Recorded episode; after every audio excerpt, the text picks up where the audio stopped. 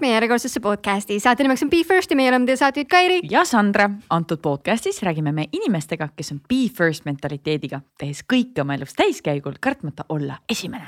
ja podcastis me püüame siis aru saada, kuidas nende inimeste kogemusi ja harjumusi oma elus rakendada paremate tulemuste saavutamiseks. ja täna on meid ees ootamas kaks tundi puhast kulda, sest et meil on külas coach äh,. ema sisulooja. ja naine, kellel on lihtsalt kaks meetrit jalga. ulme, pange käed kokku, tehke kõvasti häält, tere tulemast saatesse, Liisa-Maria Connor.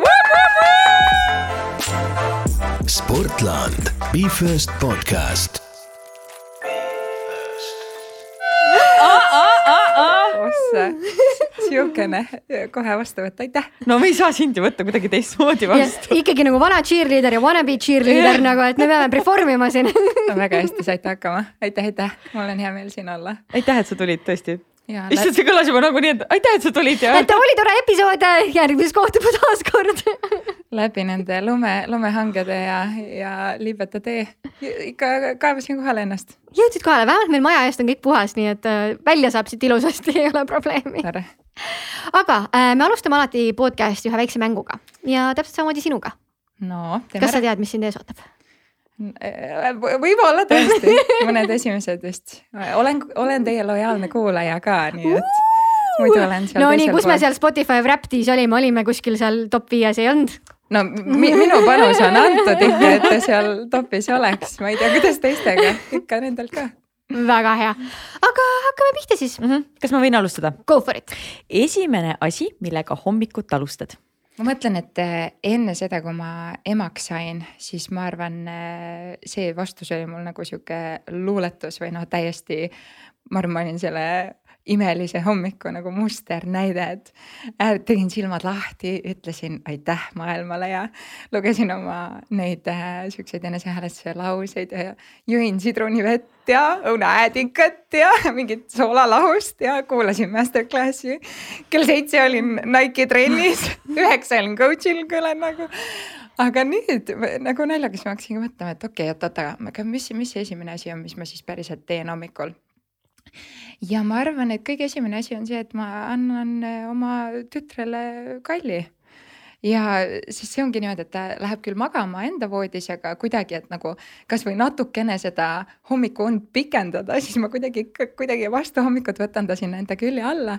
Ja vaat vahepeal ma mõtlen, et issand, enne teda ju ma täiesti vabatahtlikult kogu aeg mingi viis kolm, viis kolmkümmend ärkasin. nüüd ikka kangutad, et saaks natuke veel magada.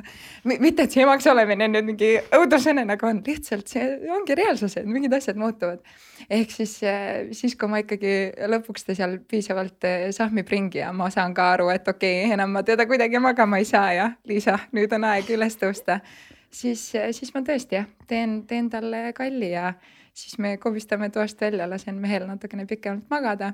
ja ma arvan nagu esimene sihuke asi, asi, mis ma alati teen, on see, et ma lihtsalt pesen hambaid, ma, ma ei suuda, ma ei suuda nagu vett juua, ma ei suuda, ma ei tea, telefoni kätt, kätte võtta, midagi mõeldagi, enne kui ma ei ole hambaid pesnud, et minu jaoks see on nagu appi, kui mul, mul mees on selline, et ta võib pool päeva mingeid asju teha ja siis ma mingi oh my gosh, see on nii rõve, palun mine pese hambad ära. et minu jaoks see on nagu absoluutselt esimene asi, peale mida ma üldse olen võimeline nagu opereerima. nii et vot need on mu need hommiku esimesed kuidas sul üldse ööunega on, et kas sa saad juba magada ka, et see on ikkagi lapsevanemal alati sihuke, et mis hetkest ja kas? tead, sellega on huvitav, sellepärast et ma ma enamus asju oma elus olen väga nagu teadlikult äh, track inud või järginud mingi, mingi hetk ja nagu vaadanud. aga uni on sihuke asi, mille osas ähm, noh, meil on äh, täiesti tehnoloogiavaba äh, magamise tuba, magamistuba, see on meil kokku lepitud, et isegi nagu mu Apple Watch laeb toast väljas.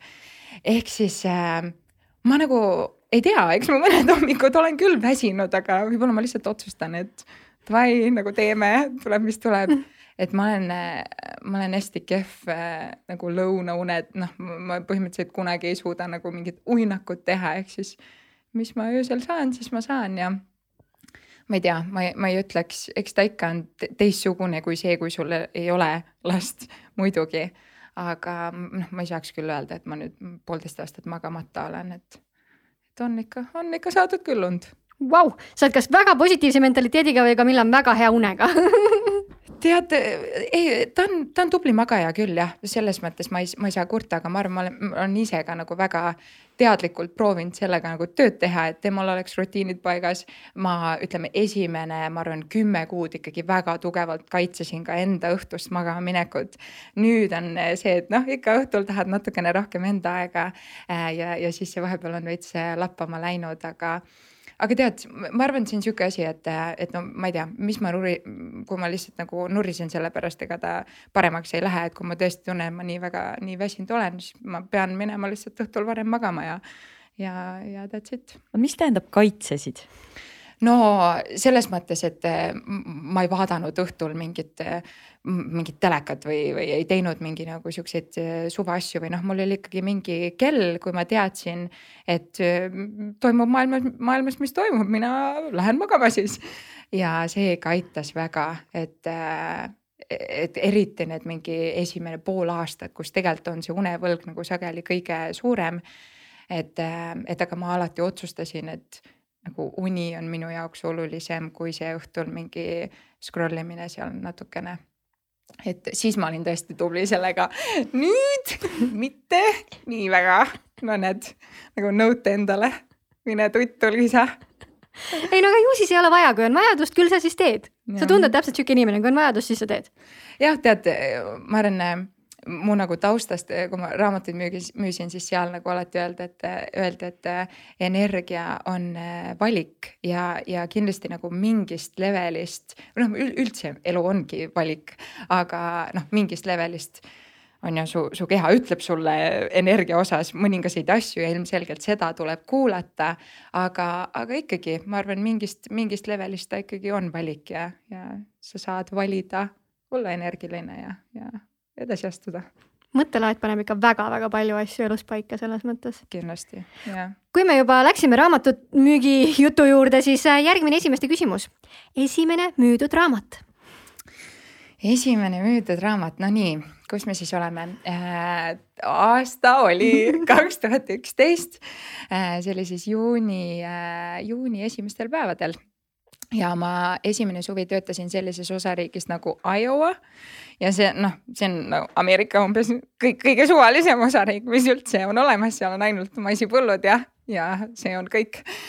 Äh, ja ma elasin sihukeses linnas nagu äh, Cedar Rapids ja ma töötasin alguses rattaga ja minu piirkond oli siis meie, meie nagu sellest linnast, kus me elasime väljas.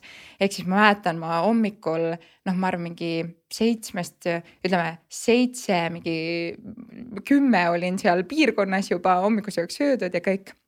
ja ja noh, tol ajal ju ei olnud mingit iPad'e või asju, et ma võtsin nagu Google Maps'i ette ja hakkasin vaatama, kus need majad on.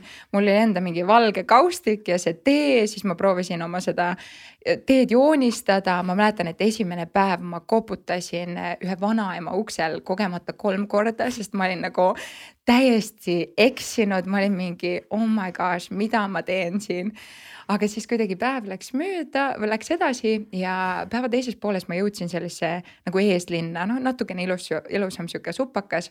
Eh, mis ma noh, minu peas võib-olla, mis võrdus sihuke Ameerika elu, eks.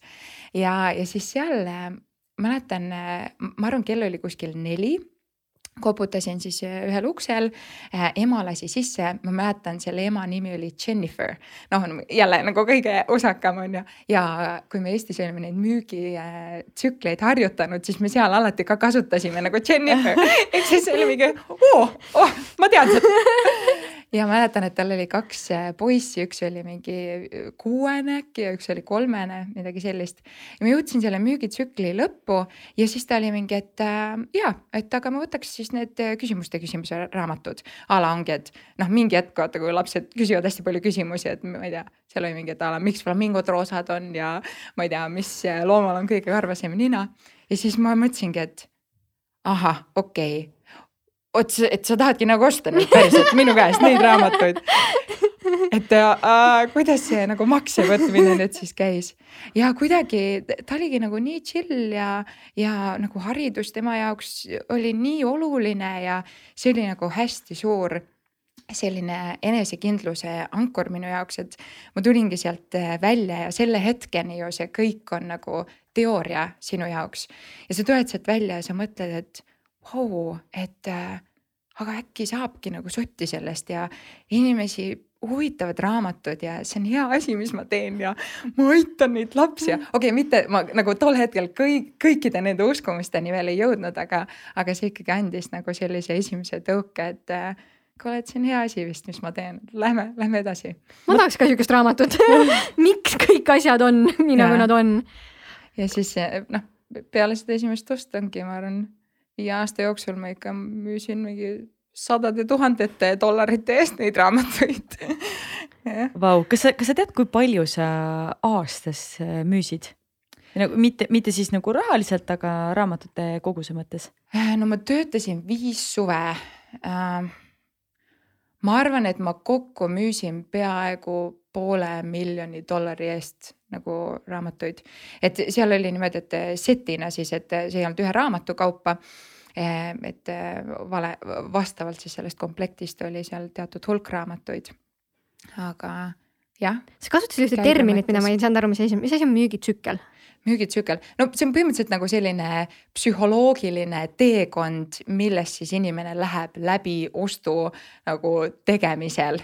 et sellest hetkest, kui sa oled seal ukse taga ja ütled nagu tere, ma olen Liisa, sorry mu aktsendi pärast on ju. ja selle hetkeni siis, kus sa lähed välja sealt majast, siis äh, saadud maksega põhimõtteliselt. sihuke nagu psühholoogiline teekond ma tahaks veel teada, et kuidas, kuidas, kuidas jagati siis äh, müüjad nende mm, osariikide vahel mm, -hmm. kuidas see käis, sa ütlesid, sa sattusid mingi täiesti suvalisse kohta ja no tead, see selles mõttes tollel hetkel või noh, see jaotus toimub nagu paar levelit kõrgemal, et seal on mingid piirkonnajuhid ja grupijuhid ja niimoodi, et kui sa oled esimene aasta tudeng, noh, me, mina lendasin USA-sse teadmata täiesti nagu, kuhu me lähme, et selle müügikooli viimasel päeval lihtsalt anti teada, et davai, me lähme Iowasse nagu mingi okei okay, wow., mida iganes, mis iganes koht see on. oota, aga miks sa otsustasid üldse minna?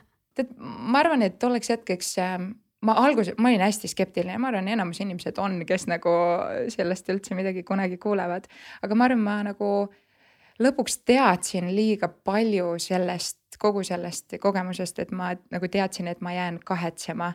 et mul, mul on alati nagu selline mõtteviis olnud, et, et ma parem vaataks tagasi ja mõtleks, et oh my gosh, nagu ma päriselt tegin seda, kui see, et ma vaatan tagasi ja ma kahetsen, et no pekki, ma oleks võinud ju proovida ja ma arvan, et sealt nagu juba enne seda oli, aga ma arvan, et see oli üks nendest asjadest, et ma teadsin, et vahet ei ole, kui raske see saab olema. kui ma vaatan tagasi ja ma ei ole seda teinud, siis ma tõenäoliselt kahetsen seda. et äh, ma arvan, see oligi see põhjus. väga õige põhjus, kuidas elus otsuseid teha sa mainisid enne ka coaching ut mm, -hmm. räägime sellest, kes oli sinu esimene coaching'u klient ja no näed, sellest äh, esimesest äh, äh, raamatukliendist kuskil kerime siis, mis ta on viis, viis pool aastat äh, edasi. issand, kõik need esimesed tunduvad siuksed mingid täiskobistamised, mingi lihtsalt koberdasid kuskil õigel ajal õige, õige nagu ämbri taha. aga see oli niimoodi, et me olime siis tollel hetkel äh, kuskil äh, kolm kuud Ameerikas treeninud, et üldse nagu aru saada, nagu mis asi see coaching on, kuidas see välja näeb, kuidas nad müüvad seda, nagu mis asi see on. ja siis me tulimegi Eestisse ähm,. oota, ma täpsustan vahepeal, kas see oli siis äh, see oli selle raamatumüügiga kuidagi seotud või sa lihtsalt otsustasid, et sa tahad hakata coaching ut õppima ja siis läksid Ameerikasse? Tegelikult nagu see põhipõhjus, kuidas ma sinna coaching poolele äh, sattusin, oli see, et ma olin viis aastat raamatuid müünud, ma olin seal omajagu leveleid äh, saavutanud, ma tundsin, et äh, see on, see on minu jaoks nagu piisav. ja mul oli tollel hetkel tegelikult Ameerika peika nagu noh, nagu ikka armastus paneb mingeid otsuseid tegema. Või mitte mu abikaasa, aga tema tuli suht ruttu seal pilti, aga ühesõnaga minu nagu point oli see, et, et ma teadsin, et Southwesterni nii-öelda nagu need väärtused, millele see ettevõte on ehitatud, neid ma hindan, aga ma ei tahtnud raamatu müügiga enam otseselt seotud olla. ja ma, ma reaalselt, ma kirjutasin, ma panin kokku mingi emaili, ma kirjutasin kõikidele inimestele umbes, keda ma USA-s lihtsalt teadsin. see ja, ja see sisu oli umbes mingi, et nojah, et ma olen Liise, ma nüüd hullult, ma lihtsalt, ma tahaks usse tulla. et äh, ma tahtsin, ma olin valmis suht mis iganes tegema, et, et lihtsalt minna, ma olin mingi, et äkki ma õpin ripsmete tegemise ära ja hakkan mm. ripsmeid tegema nagu mingi kõik asjad käisid peast läbi. Ja siis äh, mäletan äh, Southwesterni, Southwestern Consulting on siis selle korporatsiooni nii-öelda teine tütarettevõte ja tol ajal nad seal otsisid vist mingit sihukest äh, turundusassistenti või midagi sellist. minu jaoks tundus nagu oh, nagu nii, nii nagu sihuke kerge asi, et oh äkki ma saan lihtsalt siin nipet-näpet teha ja niisama nagu USA-s chill ida, vaata. aga siis kuidagi jõudsime selles intervjuu, noh, kogu see intervjueerimise protsess juba seal oli, ma ei tea, mingi kaks kuud ja mingi viisteist ülesannet ja ma ei tea, mida, mida iganes. ja siis mingi hetk nad olid nagu, et kuule, et aga äkki, äkki prooviti hoopis selle coaching'u poole Euroopasse viia või mingi. Okei okay,, aga kas ma alguses ikka võin Ameerikasse tulla siis ma seal selle rohelise tule sain ja, ja jah, siis hakkasime seda, seda ettevõtet nii-öelda ehitama. nii, aga kes see esimene coach'i oli siis? ja esimene oligi siis niimoodi, et, et me tulime Eestisse ja meil oli kuskil vist kaks nädalat aega, et mõned sellised nii-öelda workshop'id siin Eestis paika panna, sest meil tiimijuhid olid Eestisse lendamas, et noh, lihtsalt aidata meid natukene siin alguses ja me tegime seda niimoodi, et noh, meil esiteks meil aeg täiega tiksus ja teiseks oligi see, et kuna me ise noh ma arvan, iga alustav ettevõtja teab, kui palju erinevaid mütse sa pead kandma ja me olime nagu need, et, et me tegime kõike. nagu me mingit tõlkisime, me helistasime, me panime kokku mingeid materjale, meil oli mingi, aa, meil võiks mingi see ka asi olla, okei okay,, teeme selle õhtul umbes. ja siis äh, mäletan, me helistasime, panime need workshop'id ära, siis oli mingi mm, nüüd me võiks workshop'i ka teha, okei okay. ja me tegimegi siis seda, mäletan, see oli Tartus ähm, äh, tegin, tegin siis seda koolitust ja selle koolituse lõpus siis üks äh, noormees kirjutas sinna lehele number ühe, mis siis indikeet-, indikeeris seda, et ma tõstan oma käe, ma olen valmis selles programmis nagu osa võtma. ja see oli täpselt seesama koht, kus ma olin siis esimese selle raamatumüügi kliendiga, et äh, aa, et kuidas see makse võtmine siis, et aa, kas ma võtan su krediitkaardi. ja siis sealt õnneks tiimi juht oli ka seal ruumis ja siis ma olin nagu sujuvalt mingi, et nii ja siin Dustin võtab siit üle nagu, et ma ei osanud, ma ei teadnud isegi, mida teha, aga aga ühesõnaga siis tema ja üks teine noormees ka liitusid sellesama nädala jooksul ja, ja ütleme, ma olin just saanud kakskümmend neli, on ju, mul oli noh jah, raamatumüügis sa saad kõva kogemuse, aga see on ikkagi ainult ühe valdkonna põhine kogemus, eks ole, ja küllaltki noh selles mõttes spetsiifiline, et jah, müük küll, aga nagu ikkagi mul ei olnud mingit business to business kogemust või midagi sellist. Ehm, ja mõlemad olid sellised äh, ägedad siuksed alfaisased, noored, entukad täis äh,, ambitsioonikad ja mäletan, nad olid mul üks esmaspäev nagu järjest kaks kõne ja ma läksingi nendele kõnedele täiesti nagu umbes värisesin sihuke haavaleht, et appi, kuidas mina nüüd hakkan nagu neid aitama sellel teekonnal, kuhu nemad tahavad jõuda. et väga hirmus oli alguses äh,, väga hirmus ja siis ma mäletan, mul üks sealt järgmisi kliente oligi reaalselt üks tootmisettevõtte nagu juht, kes päriselt oli, ma arvan, seda tööd teinud sama kaua, kui tol hetkel. Mul oli eluaastaid ja, ja see oli ikkagi nagu väga aukartust noh, avar-, loov äh, olukord, aga, aga jah, jälle niimoodi samm-sammult teed ära ja liigud edasi ja nüüd ma tean, et ma võin absoluutselt ükskõik kellega siin munal koos töötada ja ma tean, et on mingid asjad, milles ükskõik, kõik inimesed saavad nagu paremad olla ja lihtsalt nende küsimustega ma olen võimeline nagu aitama. aga jah, see ei ole alati niimoodi olnud mm -hmm. kindlasti mitte. enam ei teki üldse mingit värinat, kui uus klient tuleb ja uus kõne ja ikka, ikka tekib selles mõttes, aga see on, ma arvan, selline positiivne nagu äh, ärevus, et, et äh, ma saangi teda nagu tundma õppida ja tema unistusi ja, ja tema lähtepunkti ja seda nagu, kuidas me jõuame sinna ja muidugi on selles mõttes on mingid valdkonnad, kus ma olen nagu what the heck, ma ei tea mitte midagi sellest. aga noh siis, siis õpime koos ja, ja siis tema saab mulle rääkida, mis ta siis täpsemalt teeb ja. ma küsiks sellise natuke võib-olla intrigeerivama küsimuse, et mm -hmm. Liisa, sa oled, sa oled väga kaunis naine mm. -hmm. kas sa oled täheldanud ja. seda, et sul on tulnud mõned kliendid mitte sellepärast, et nad tahavad coaching ut, vaid nad soovivad sinuga tuttavaks saada ja kuidas sa sellises olukorras, kui see on juhtunud, oled nagu sellega tegelenud? ma tahaks uskuda et, et keegi selles mõttes, et äh, kogu see investeering ja see pühendumus, äh, mil, mis keegi annab sellesse coaching'u nii-öelda koostöösse tulles, on küllaltki suur, et seda teha lihtsalt sellepärast, et ma ei tea, minu näo läp, lappi näha nagu kaks korda kuus. vähemalt ma tahan niimoodi arvata, küll alguses, kui ma võib-olla olin natukene rohelisem selles valdkonnas, siis ma mäletan, ma tegin ühte Äh, üks-ühele äh, sellist arengu planeerimise sessiooni ja see tüüp liitus ja ta selle lõpus nagu kutsus mind välja. ja noh, mina olin sellel hetkel pigem nagu elevil, et oh my gosh, ma sain uue kliendi ja nagu ma, ma ei tea, mul kuidagi nagu libises see kõrvust mööda. mina äh, ei olnud lõpuks tema treener, ta tegelikult äh, anti ühele meie nagu tiimis olevale teisele inimesele, sest et ma lihtsalt tundsin, et eetiliselt see oleks mõistlik. et, ähm, et see oli nagu üks, üks kogemus.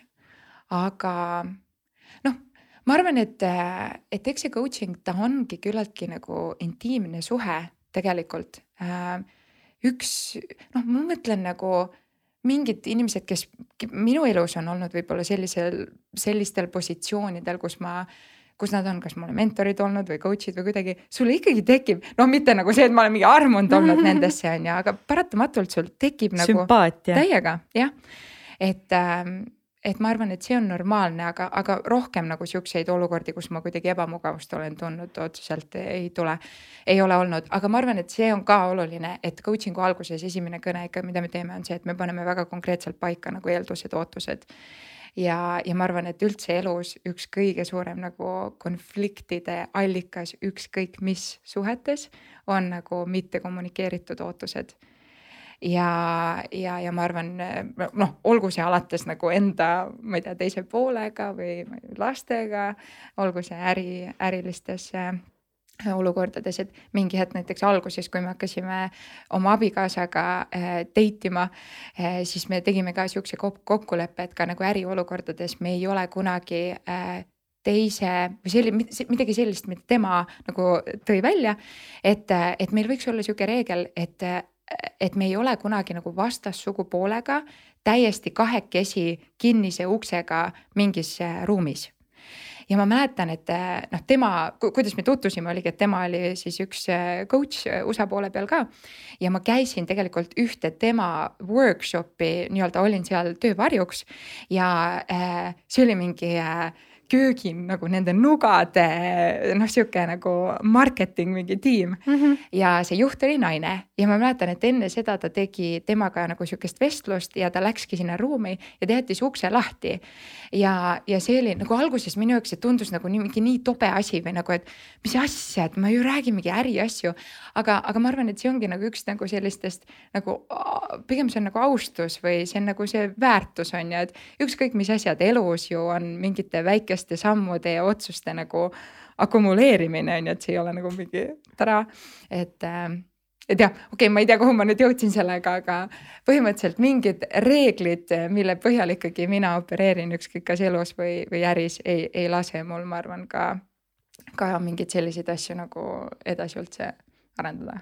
aga see on väga äge iseenesest, et ta kohe julges nagu kommunikeerida sellist asja, et tema jaoks on oluline see, sest see ei ole tavaline asi, mida öelda mm. -hmm. aga samas ma kujutan ette, et nüüd see ongi elementaarne või kuidagi täiesti okei okay.. jah, jah, jah, ma arvan, et üldse nagu noh, suhtes nagu ma arvan, austus on selles mõttes üks hästi oluline komponent ja ma arvan, et see on nagu üks asi, mis, mis panustab sellesse, et sa austad mingeid, mingeid piire, mis on nagu seatud no me räägime teie suhtest ka kindlasti veel päris palju no,, aga koht, kus mina praegu teie suhte kohta tean, on Instagram, nii et lähme sukeldume korraks sinna. esimene Instagrami postitus tead selle, kui ma nägin seda eile seda küsimust, ma kohe nagu scroll isin, siis ma ei üldse, ma ei mäletanud äh,. ma ei mäletanud, mis see on ja ma vaatasin, et see oli äh, kaks tuhat neliteist, äh, suhteliselt oli ka mingi detsembri lõpp ja see pilt oli selline, et ma mõtlesin, et oi, et ma olin kõrvuti pannud, vaata, et olin kollaaži teinud, kaks pilti oli kõrvuti või isegi kolm või midagi siukest. ja me käisime äh, sellise koera rakendiga talvel äh, sõitmas nagu, et oled seal kelgu peal. Ja ma olin pealkirjaks kirjutanud, et äh, another thing off of äh, bucket list, et üks äh, nagu sihuke eesmärk siis täidetud.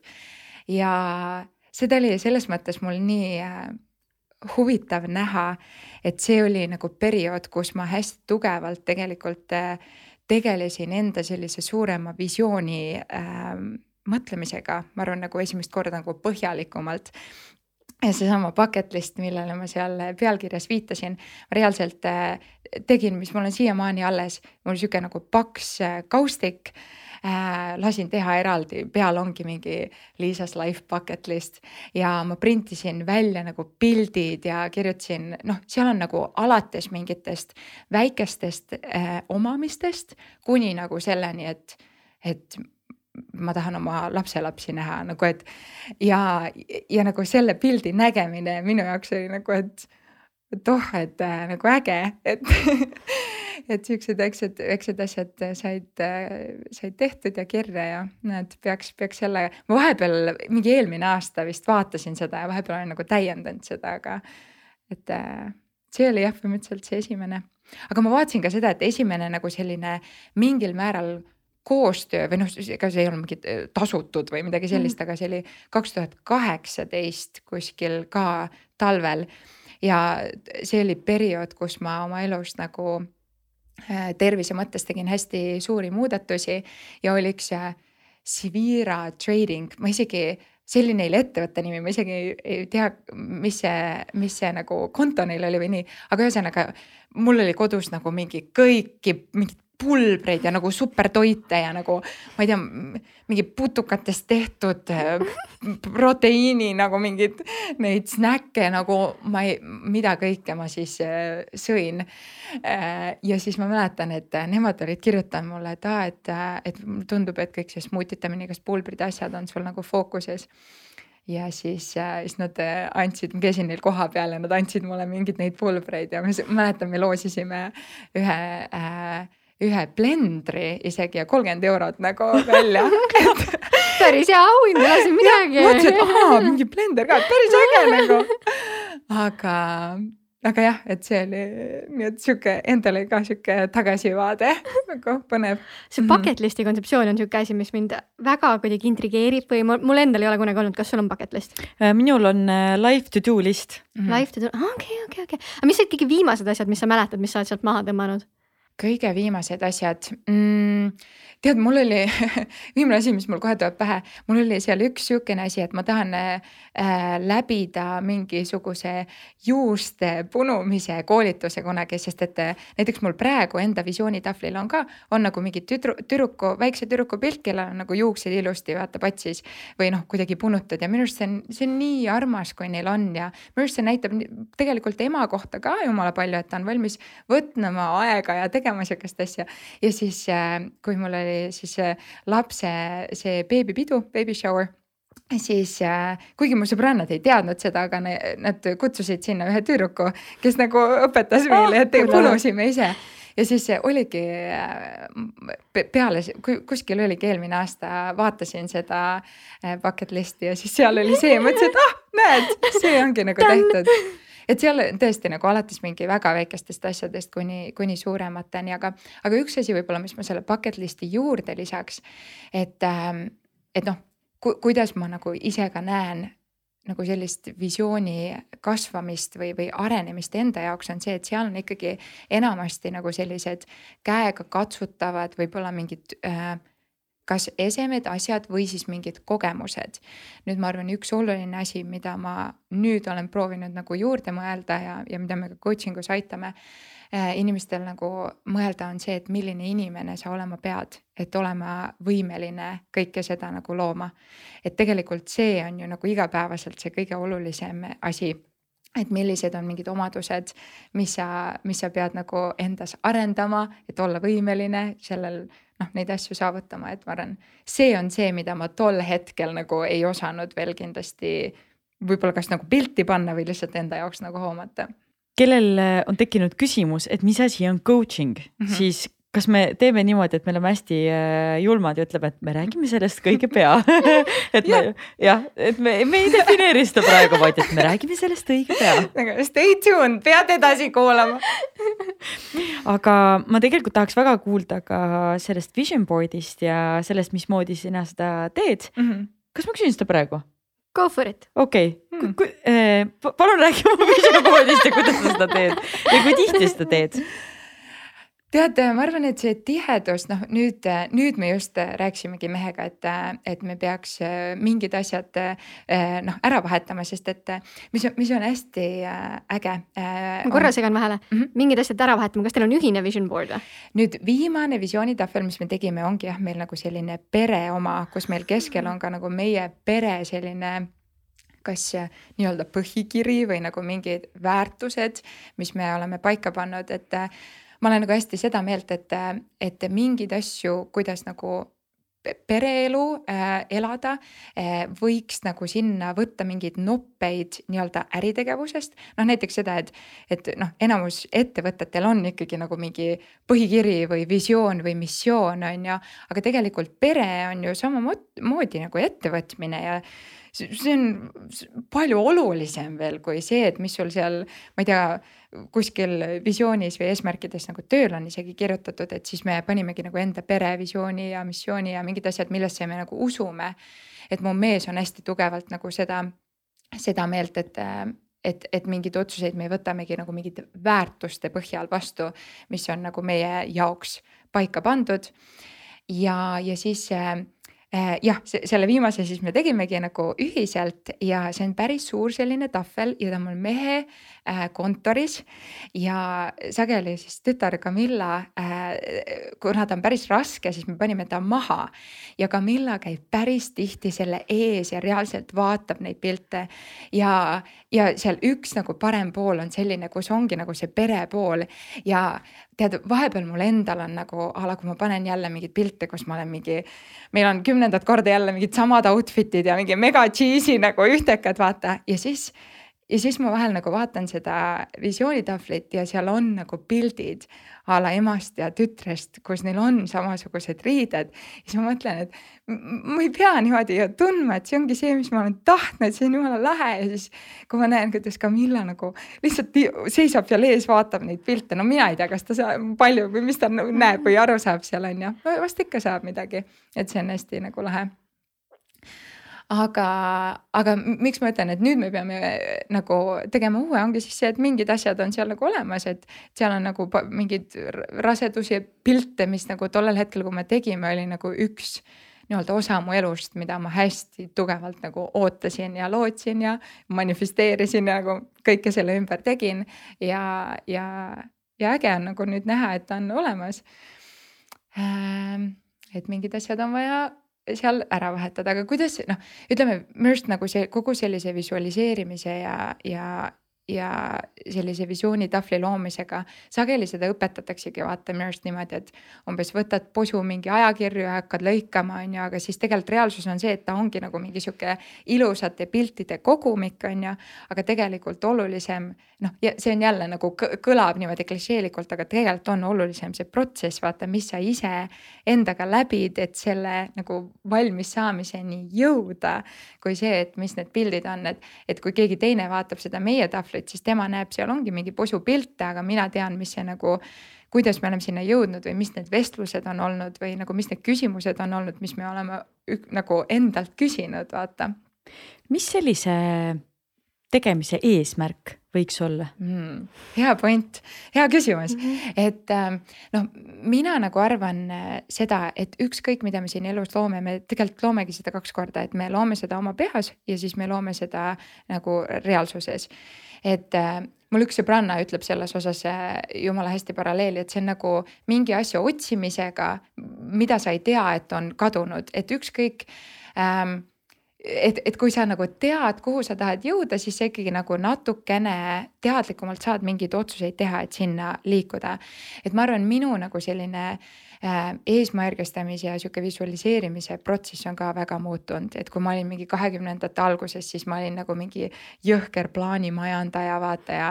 ja mind ajas julmalt närvi, kui mingid asjad äh, nagu kaldusid kõrvale sellest plaanist või minu jaoks rikkusid või nagu ma ei tea, tulid ootamatult sisse ja ma ei osanud üldse nagu toimetada sellega.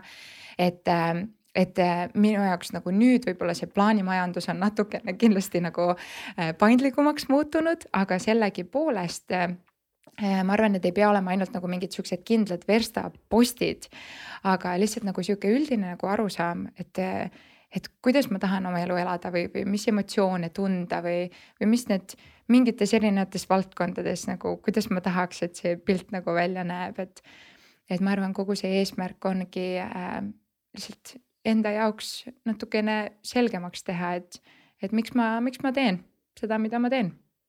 ma siis lähen koju vision board'i tegema see on väga äge, minul on mitu tükki. Kas sul kunagi oli vision board'il äh, see selline meesterahvas ka nagu su abikaasa praegu on? Tead, see on nii naljakas, ma mingi hetk ütlesin talle, et äh, Josh Tuhamel oli äh, minu nagu noore ea mega crush. Ma ei, kui ma ei tea, kas teil tuleb peale mingi. noh, siis ta oli nagu popp, nüüd ma ka ei tea, kus, kus ta on või ma ei oska isegi öelda. aga tegelikult, kui ma hakkan pilte vaatama, siis ta veits on, veits on sarnane küll. ja näiteks enne, kui me tutvusime, siis mul äh, visioonitahvlil oli üks äh, nagu pulmakleit mille väga sarnase tegelikult lõpuks ka mul pulmas oli, et noh, tead, vaata, eks need mingid asjad olegi natukene siuksed, ma ei tea, pehmed või, või unistavad, aga no ma ei tea, minu arust ongi, minu arust on tervislik unistada ja, ja, ja, ja ma arvan, et seal on ka kindlasti balanss on ju, et, et, et kuidas need unistused siis siduda omaga nagu mingi igapäevase toimetamisega, aga jah, ma arvan, et see on tervislik korraks nagu suuremalt mõelda mitte lihtsalt tervislik, hädavajalik. jah ja. nõus, nõus. aga esimeste mängu järgmine küsimus. nii. esimene mulje abikaasast vot see oli siis niisugune teekond jah, et ähm, kui ma sinna USA läksin, nagu juba mainitud, teise armastuse pärast siis sellel tegelikult esime- või suht seal alguse poole meil oligi ähm, selline suur seminar siis, mida me kutsume coaches camp, mis ongi nagu väga intensiivne sihuke nädal, kus meil kõik nagu treenerid üle USA, noh siis ei olnud üle maailma, sest et meie veel noh, olime Euroopa poole pealt Maarjaga siis esimesed üldse ja, ja tema oli sellel hetkel ka üks, üks äh, coach idest. ja ta hiljem alles nagu jagas mulle, et ta oli nagu üli-ülilähedal sinna seminarile mitte tulemast. et ta oli tegelikult juba vaikselt nii-öelda äh, oma sellist exit'it tegemast sellest äh, tegelikult divisjonist, aga ta kuidagi ikkagi nagu tuli sinna. ja, ja ma arvan, esimene mulje minul temast äh, oli päris tõsiselt see, et äh, et äh, minu jaoks ta oli nagu kõige nägusam mees, keda ma arvan, ma kunagi olin näinud. ja, ja päris ausalt siiamaani ma absoluutselt nagu seisan selle lause taga, et, äh, et. no ta on päris kena täiega, minu arust nagu Josh Tuhamel, palju paremini lõpuks, et, äh, et ma noh ähm,. no see oli ikkagi nagu, nagu sihuke atmosfäär ka, kus ta oli nagu kogu nagu full äh, nagu pintsak ja kogu noh, ta oli väga-väga terav ikka nägi välja. ja siis ma mäletan, kuidas ta siiamaani na naerab, kuidas, kuna mina olin esimest korda, siis äh, me olime esipingis on ju, et nagu ikka uued pannakse. ja siis ma mäletan, kuidas ma nagu kogu aeg proovisin nagu taha vaadata või nagu mingeid asju. aga jah, ühesõnaga, et siis see ähm, ma, ma arvasin, ma arvan, et see mulje selle kõige juures oli kindlasti ka see, mis on nagu sageli vaata hinnatakse noh teistmoodi, et kui sa näedki, keegi võib-olla näeb sihuke välja, ma arvasin, et ta on palju nagu ülbem et mis on huvitav, et vahel ka minule öeldakse seda, et aa oh, issand, et kuidagi, et sa oled palju toredam, mis asja, et kas ma muidu näen mingi ülbik välja. okei okay,, roh- e, nagu hiljaaegu mitte, aga kunagi varem. Et, et ma arvasin, et ta on kuidagi palju siuksem arrogantsem ähm, aga siis me kuidagi hakkasime rääkima ja siis see teine, küll mitte üldse tema olemasolust tingituna või seal nagu mingit kattuvust selles mõttes ei olnud, aga aga siis äh, teed, teed läksid niimoodi, et äh, ta oli lõpuks õigel ajal õiges kohas ja mm, -hmm. ja, ja see esmamulje siiamaani on, on täitsa püsinud, et kõige nägu, nägusam tüüp mul seal kõrval, päris, päris rahul. Ja kui me juba perest äh, räägime, siis mm -hmm. mis oli sinu esimene emotsioon emana? ma arvan, et see oli tegelikult nagu päris korralik sihuke nagu emotsioonide kokteil. et äh, ma arvan, esimesena see oli kindlasti nagu selline mm, mm, leevendus või selline nagu, et ah, see asi on, on, on tehtud või selline rahu, rahulolu. Ma arvan, et see oli ka täiesti selline nagu kirjeldamatu õnn ja, ja rõõm tegelikult. et äh, noh, ja, ja see ongi nagu üks nendest asjadest, et, et seda, seda saabki nagu tunda ainult ise seda kogemust läbi tehes, et see, ma arvan, ei ole võrreldav, muidugi sa oled nagu mingeid õnnehetki kogenud varasemalt ka oma, oma elus, aga. Aga see oli ikkagi midagi väga-väga teistsugust, et, et kindlasti ka uhkus oli selles tunnete ko, ko, kokteilis et äh, sihuke, et no vaadake nüüd, millega mina hakkama sain, ma arvan, enamus naised tunnevad seda, et see on ikka väga suur saavutus, kui sa inimese seal valmis küpsetad ja siis siia ilma toimetad ka veel on ju. et äh, aga tõesti, ma arvan, noh, see oli minu elu kõige õnnelikum hetk kindlasti. et äh, jah, ma ei oska isegi mõelda, mis sellega nagu võiks võistelda. kui äh, kaua te ootasite Camillat oma ellu? no ma, ma ei oska võib-olla seda nagu algust nii konkreetselt. Koeri üheksa kuud. jah, et anatoomiliselt siis laps on kõhus esimene nädal. et. põhikooli bioloogia. jah, et selles mõttes see on nagu väga hea küsimus, et et, et huvitav, et äh, nagu ma ei tea, põhikoolist saati on ju kuidagi räägitakse ja keskendutakse hullult sellele, et, et mida kõike sa pead tegema, et mitte, mitte rasedaks jääda ja sul on nagu see, et, et see käib nagu naks ja sa pead sellest hoiduma. ja läheb ja siis mingi hetk nagu, et kui see nagu soov on teistpidine, siis hakkad hoopis kuidagi teistmoodi aru saama sellest, et, et ähm, ma jah, ei oska nagu seda algust defineerida, aga, aga peale seda, kui me abiellusime nüüd ütleme kolm aastat, kolm pool aastat tagasi, ma arvan, me olime nagu avatud sellele mõttele suht ruttu ähm,.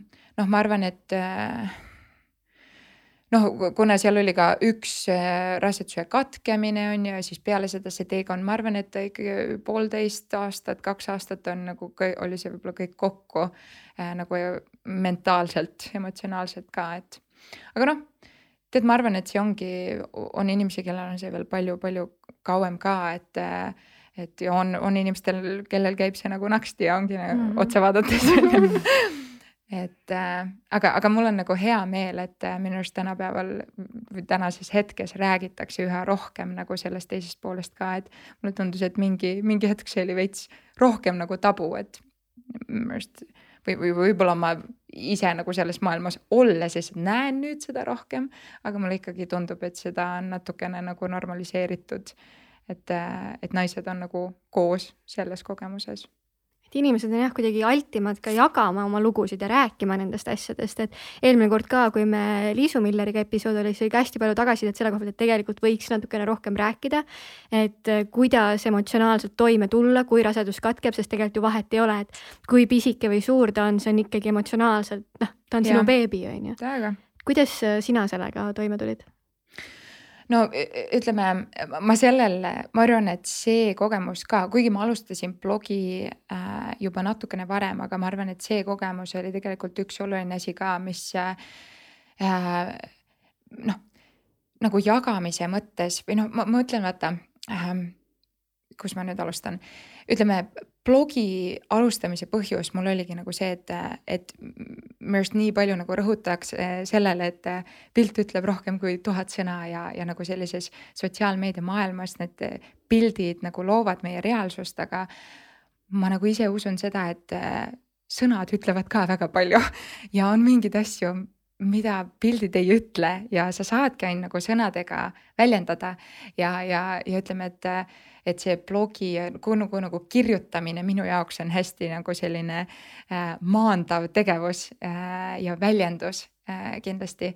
et kogu selle teekonna ma tegelikult väga läbipaistvalt panin ka kirja ja, ja see oli hästi nagu haavatav, ikka nagu haavatavas kohas oled ise. aga ma arvan, see on, see on kindlasti teema, mille osas ma olen kõige rohkem nagu vestlusi pidanud inimestega äh, ekraani ees ja ekraani taga ja, ja, ja igal pool ja, ja mis, mis ma tean tõesti, et on nagu aidanud. et ähm, aga ütleme selle blogi aadressi nüüd siia, et kõik saavad minna lugema, kellel on äh, ja, huvi. mrsconnor.com, mrs Connor et aga, aga noh, ütleme võib-olla mõned nopped, noh, see ongi nagu keeruline teekond ja, ja inimesed läbivad seda erinevalt, aga ma arvan, et minu jaoks hästi nagu tugev tõuge seal oligi see äh, ise nagu psühholoogi juurde minek et, et, et coach'ina nagu tead küll ju seda väärtust, et nagu tuleb mingid asjad neutraalselt välja rääkida, aga, aga ise selles, selle teisel pool olles, äh, see on ikkagi nagu väga abistav no mina mäletan, et minu mm, coaching'u õpetaja äh,, tervitused Peebule äh,, tema ütles alati, et kõige parematel coach idel on endal mitte üks coach, aga mitu coach'i või mitu abilist, kelle juures käia, sellepärast et äh,, et noh, me arvame küll, et me saame ise hakkama, et aga tegelikult see ei ole nii, et eriti kui sa oled see inimene, kes on harjunud teisi kogu aeg kuulama yeah., et -hmm. et see on hästi oluline, et, et, et sul oleks keegi, kelle juures, kelle juures käia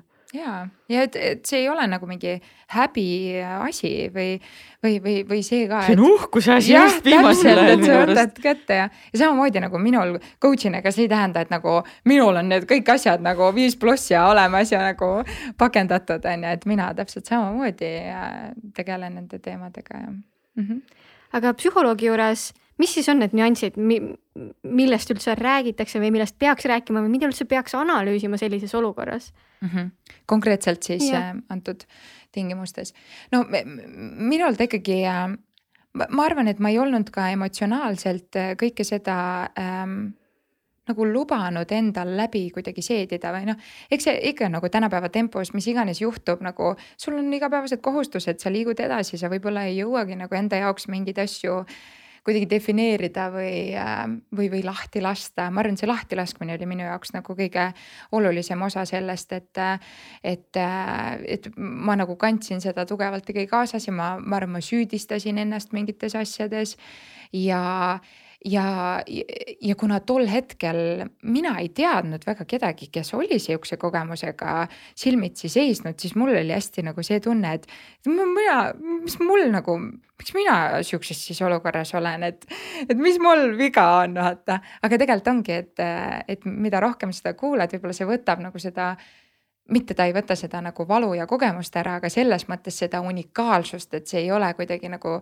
minu pärast otseselt, eks et, äh, et ma arvan, et tol hetkel ta ikkagi küsis mingeid küsimusi, peale mida mina kirjutasin sellele äh, sündimata lapsele nagu kirja, andsin talle mingid asjad andeks, andsin endale andeks, on ju. et jah, ma arvan, et see lahtilaskmine oli, äh, oli see kõige olulisem etapp minu jaoks. mis sa sellest protsessist ise õppisid kõige rohkem, et ma mõtlen, et kui kuulab keegi praegu, kes pole veel jõudnud psühholoogi juurde, et, et mida, mida sa ta-, kas sa tahaksid talle midagi öelda mm? -hmm.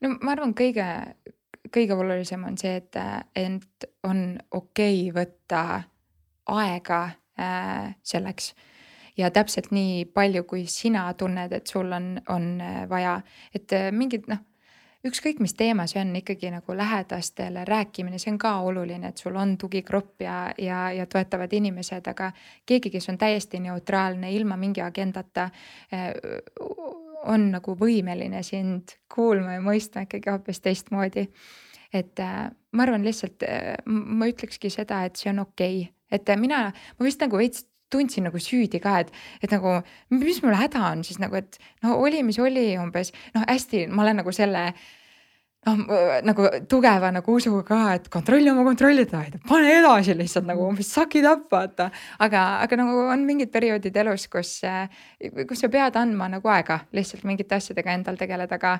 ja, ja ma arvan, minule endale kõige rohkem, mis ma õppisin, oligi see, et, et palju võimsamad asjad saavad sellest välja tulla, kui ma lihtsalt ei ainult rühi edasi, vaid ma nagu luban endal päriselt äh, olla antud kogemuses ma ütleks, et väga sisukas esimeste mäng oli meil mm, praegu. absoluutselt, saime, saime sellega purki või? okei super.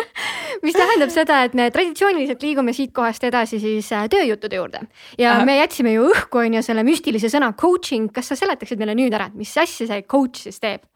jaa no mida coach teeb äh,, väga nagu traditsioonilises äh, mõttes äh, coach'is küsib sinult äh, kriitilisi või siukseid küsimusi, mis aitavad sul, küllaltki neutraalseid küll, küsimusi, mis aitavad sul jõuda mingite vastusteni äh,, mis sageli su peas on olemas. nüüd äh, see coaching, mida, mida mina ja meie teeme, on, on siis natukene selline traditsioonilise coaching'u ja treeningu kombo, ehk siis äh, me aitame inimestel nende eesmärke saavutada, mis iganes need eesmärgid on. ja, ja see, kuidas me sinna jõuame, on erinev inimeste jaoks. mina isiklikult äh, ütlen, et nagu minu missioon on aidata inimestel puudutada nende potentsiaali, et nad saaksid luua, mis iganes nad on valinud, et nad tahavad siin elus luua. et, äh, et nii-öelda lühi, lühikeses mõttes see on see, mis kas seal on mingid valdkonnad ka, et kas ma nagu ongi karjäärialaselt, et ettevõtluse koha pealt tulen coaching usse või ma võin ka eraelu koha pealt minna coaching usse või ma võin trenni osas või et? kindlasti, ma arvan, igas valdkonnas on nagu oma, oma spetsialistid on ju, et samamoodi noh, spordis ongi personaaltreener on ju, sama sarnast asja siis meie teeme. meie teeme oma inimestega, kellega me koos töötame, et noh, ütleme peamiselt, kellega mina koos töötada on, töötan, on siis äh, äh, juhid, müügiinimesed, ettevõtjad, kuidagi äh, kliendi suhtlusega kokku puutuvad inimesed, et äh, see on nagu see tuumik. mis teemadega või küsimuste või muredega inimesed tavaliselt äh, sinu poole pöörduvad? no äh, ütleme meil siis, kuna meie see nagu koostöö kestabki aasta aega, siis ma arvan, et see punkt mis on nagu see põhjus, millega nad on üldse nagu valmis sellesse nii-öelda suhtesse tulema, võib ka nagu kasvada ja areneda omajagu. et aga ma arvan, see kõige suurem punkt ongi nagu see, et inimesed äh, teavad, et nad on tegelikult võimelised äh, rohkemaks. ja kellel jääb see oskuste taha, kellel jääb see motivatsiooni taha, kellel jääb süsteemide taha, ma arvan, ma ütleks, need on need kolm asja Mil... tahad midagi kes...? mille taha siis peamiselt jääb, mis sa näed, mis on kõige populaarsem äh, takistus mm,? ma arvan äh,, nendes kolmes vallas äh, ütleme motivatsiooni osas, ma arvan, et see visiooni selgus ja on üks asi, et meil ongi nagu igapäevaselt äh, raske mingeid otsuseid teha ja mingites asjades järjepidev olla, kui me ei tea, miks me seda oleme. ehk siis nagu see suurem pilt ja mingid eesmärgid ja siis süsteemide mõttes ma arvan ka äh, ikkagi nagu meie äh, ajakasutus, meie planeerimine ja siis kasutus, et ütleme, ma arvan, graafik on selline asi ja jällegi nüüd, kui ma ütlen graafik, siis ma ei mõtle nagu seda, et me igale inimesele paneme nagu ma ei tea, sekundist sekundisse mingi äh, robotiplaani on ju, et äh, samamoodi ma olen coaching us, ma ei tea, kolme lapsi ja emasid on ju, kellega see ei ole niimoodi, et tõh, tõh, tõh, lihtsalt äh, raiud. aga jah, ma arvan, üldises mõttes see aja efektiivsus kindlasti. kas sa täna tunned, et see on see töö, mida sa tahad teha elu lõpuni? kindlasti see äh, nii-öelda kliendi profiil, kellega ma koos töötan, äh, tõenäoliselt muutub, äh, sest et samamoodi nagu mina ise kasvan ja minu identiteet muutub, siis ma arvan, ma olen ka nagu võimeline aitama natukene teise profiiliga inimesi ja lihtsalt nagu samastun, kes nagu ka minuga samastuvad ma arvan, et see vorm, kuidas ma seda teen, võib natukene muutuda, aga jah, ma arvan, et ma, ma tõesti nagu usun sellesse, et, et minu missioon siin maamuna peal on nagu aidata inimestel nende äh, unistuste elu elada või, või nagu selle poole liikuda või, või jah, oma, nagu ma ütlesin, oma nagu seda potentsiaali puudutada, kui nad seda valivad. Ja, ja siis läbi selle luua seda, mida nad tahavad luua oota, aga proovime siis kohe meie kuulajatele anda mingid väiksed nipid, kuidas nad jõuaksid oma täispotentsiaalini, et mis oleks kolm asja, mis sa õpetussõnadena, ma tean, et coaching us ei tohi, on ju, aga sa oled coaching'u ja treeningu vahepeal, need, mis võiks olla need nüansid, millega inimene peaks tegelema, et siis oma täit potentsiaali äh, puudutada mm? -hmm. no nii, no tead, võib-olla see nagu kõlab äh, siukselt ümmarguselt, aga ma arvan, et tegelikult see visiooni teema on nagu oluline, et, et lähtuvalt sellest, no see ei pea olema nagu see, et sa teed mingi massiivse visioonitahvli endale, võib-olla see ongi lihtsalt küsimus, et, et okei okay,, aga, aga nagu mis ma tahan saavutada ja see noh, see ei pea olema see, et sul on nagu kristallselge, minul ka ei ole, ma arvan nagu noh me nagu areneme niikuinii ja me liigume ja see võib muutuda, aga kasvõi nagu lühikeses perspektiivis äh, mingisugused äh, asjad paika panna ja siis sealt tagasi hakata vaatama, et okei okay,, aga mis ma võib-olla igapäevaselt saan selleks teha, et, et natukene hinnata oma igapäevategevusi ja mingeid väikeseid otsuseid lähtuvalt sellest, kas need on midagi, mis viivad meid sellele suuremale pildile lähemale või kaugemale. et ma arvan, nagu elu ongi nagu väikeste otsuste akumuleerimine, nii ongi.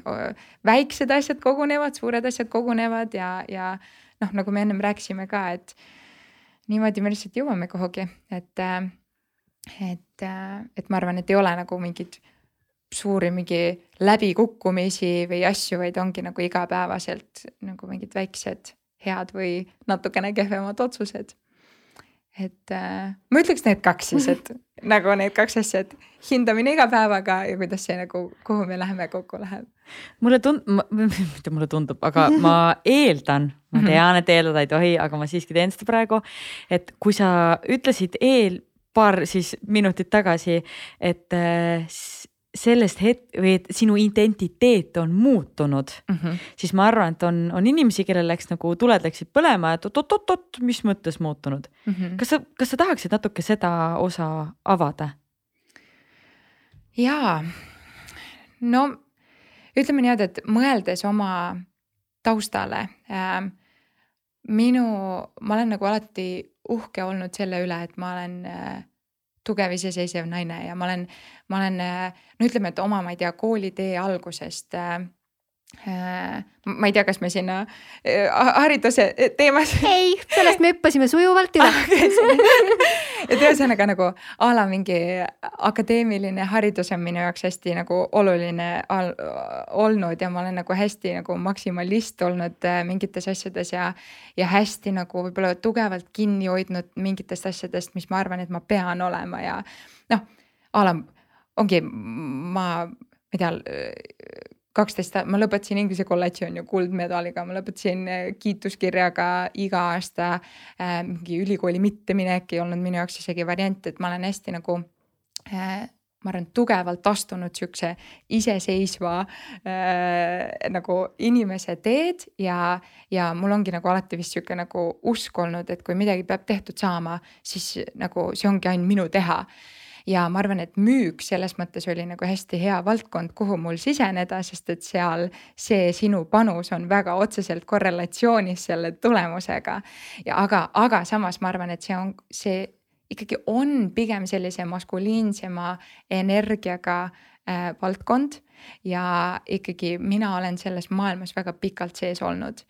ja ma arvan, et alles nüüd ma olen kohas, kus ma nagu äh, hakkan mõistma, et äh, on, on mingeid asju, kus äh, on mingid nagu perioode või, või teemasid, kus pehmus ei ole nõrkus. et, ähm, et ma olen äh, jah nagu min, minu jaoks nagu saavutusvajadus mingite tulemuste mõttes on hästi nagu sihuke tugev nagu kütus olnud üldse elus. aga näiteks praegu noh, ütleme, et sellest idee, identiteedist lähtuvalt, et, et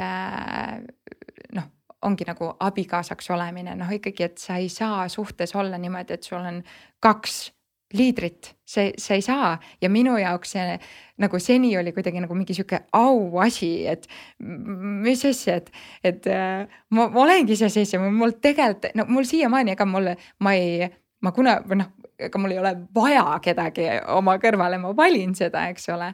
aga ma arvan, et see identiteet selles osas on muutunud, et äh, kes ma olen äh, naisena, kes ma olen nagu emana, et et ma olen, ma arvan, hindama hakanud jah, rohkem nagu sellist äh, naiselikku poolt või nagu noh, et äh, ma olen hästi nagu, kui ma ütlen nagu, et mingites asjades voolavust hakanud hindama, siis see on nagu isegi mulle sihukene väga vastuoluline mõelda, sest ma olen alati sihuke, et plaan paigas, graafik paigas, sammu vahet ei ole nagu pane edasi, vaata. võta lihtsalt otsusta ära, et tegelikult on äge nagu ütle midagi head endale, sai nagu kitavad. aga jah, et ma arvan, et. Äh, aga kuidas see muutunud on, mida sa teed selle asemel? Sest ma tean seda mentaliteeti mm. -hmm. ja, ja, ja, ja ma arvan, et tegelikult noh, ongi paljud äh, naised või noh, nagu mina tegelikult ma mingil määral olen tundnud, et võib-olla, et see on äh, et kas ma tohiks nagu niimoodi mõelda, sest või, või tunda, sest et mina ei ole kunagi nagu olnud see naine, kes a la juba noorena teadis, et ta tahab emaks saada ja see tundus nagu mingi sihukene noh, a la mingi kodu noh, nagu mingi koduloome ja kõik need siuksed nagu naiselikud tegevused, a la isegi mingi toidu tegemine kolm aastat tagasi. minu jaoks see pigem, see ei olnud nagu mingi sihuke vinge, seksikas asi nagu, et mis ma praegu näen, et see on, see on ülivõimas, kui naine oskab oma nagu kätega luua midagi ägedat ja, ja nagu see, kuidas see toob meie, ma ei tea, pere kokku ja näiteks isegi nagu see visioon, et, et äh, isegi õhtutel, kus ma mõtlen, et nagu viimane asi, mida ma praegu tahan, on mingit süüa teha, aga näiteks see visioon, kui ma mõtlen, et ma ei tea, kunagi Camilla ütleb, et äh, ma ei tea, oma sõpradega nagu rääkides, et mis asja, et meil oli küll niimoodi, et me alati perega istusime, sõime õhtusööki koos. nüüd nagu see pilt minu jaoks on sihuke, et nagu mul on üks protsent ka veel nagu enda nagu sihukest akut jääd, järg ja siis ma panen selle mingi toidu kokku, on ju. et kõik nagu siuksed naiselikud asjad, ma ei näinud üldse nagu väärtust nendes või, või minu jaoks see tundus nagu ajaraisk konkreetselt, et mingi, mis asja, ma jõuan ju emailid ära vastata, ma jõuan mõned kõned teha, mingi, mida ma veel saan teha, tšop-tšop vaata. aga aga noh, tead, ma arvan, et see ongi, ma ei saa ka nagu enda peale pahane olla, sest et eh, ma, ma ei noh, vaadates ka tagasi, ma tean, et ma ei oleks olnud võimeline isegi mõtlema teistmoodi äh, umbes kahekümnendate keskel või, või alguses. aga ma arvan, mis ma teen teisiti või mis, mis seda üldse nagu ajendas, oligi ikkagi abielu ja, ja sealt edasi emaks saamine et minu arust abiellumisega ongi nagu täiesti kahte leeri inimesi, on need, kes on nagu see, et, et see on lihtsalt äh, paber, see on, see on ju suhe on samamoodi edasi, see tegelikult ei muutnud midagi. ja siis on need, kes nagu tunnevad, et tegelikult see on väga nagu suur muudatus. mina olen kindlasti seda nagu teist meelt, et, äh, et pigem nagu emotsionaalselt, mentaalselt rohkem kui niimoodi igapäevaselt. Äh, see tegelikult mõjutas päris palju aga mis on mingid praktilised asjad või näited, et kus sa tunned seda vahet, et kas me oleme lihtsalt suhtes või me oleme abielus? Eh, ma, ma arvan, et see ongi nagu ka niisugune nagu meelestatus ikkagi või, või, või mingi perspektiiv asjadele lähenedes. või, või ütleme, et kui ka noh, ütleme varasemates suhetes ma ikka, ma ikka nagu ma nüüd oskan hinnata, kui palju ma pange panin nagu ja, ja ongi nagu mingite mitte naine nii-öelda olemisega ja see nüüd läheb väga võib-olla mingi stereotüüpsesse, et mis on naine, mis on mees, aga nagu ma ei näe seda enam, ma enne nägin neid stereotüüpseid naistega seotud asju kui nagu mingi sihukese rusuva, mingi negatiivse asjana vaata, et mis mina küll ei ole selline, on ju. aga nüüd äh, ja, ja ongi seal ma nendega panin pange, aga kõik need iga noh.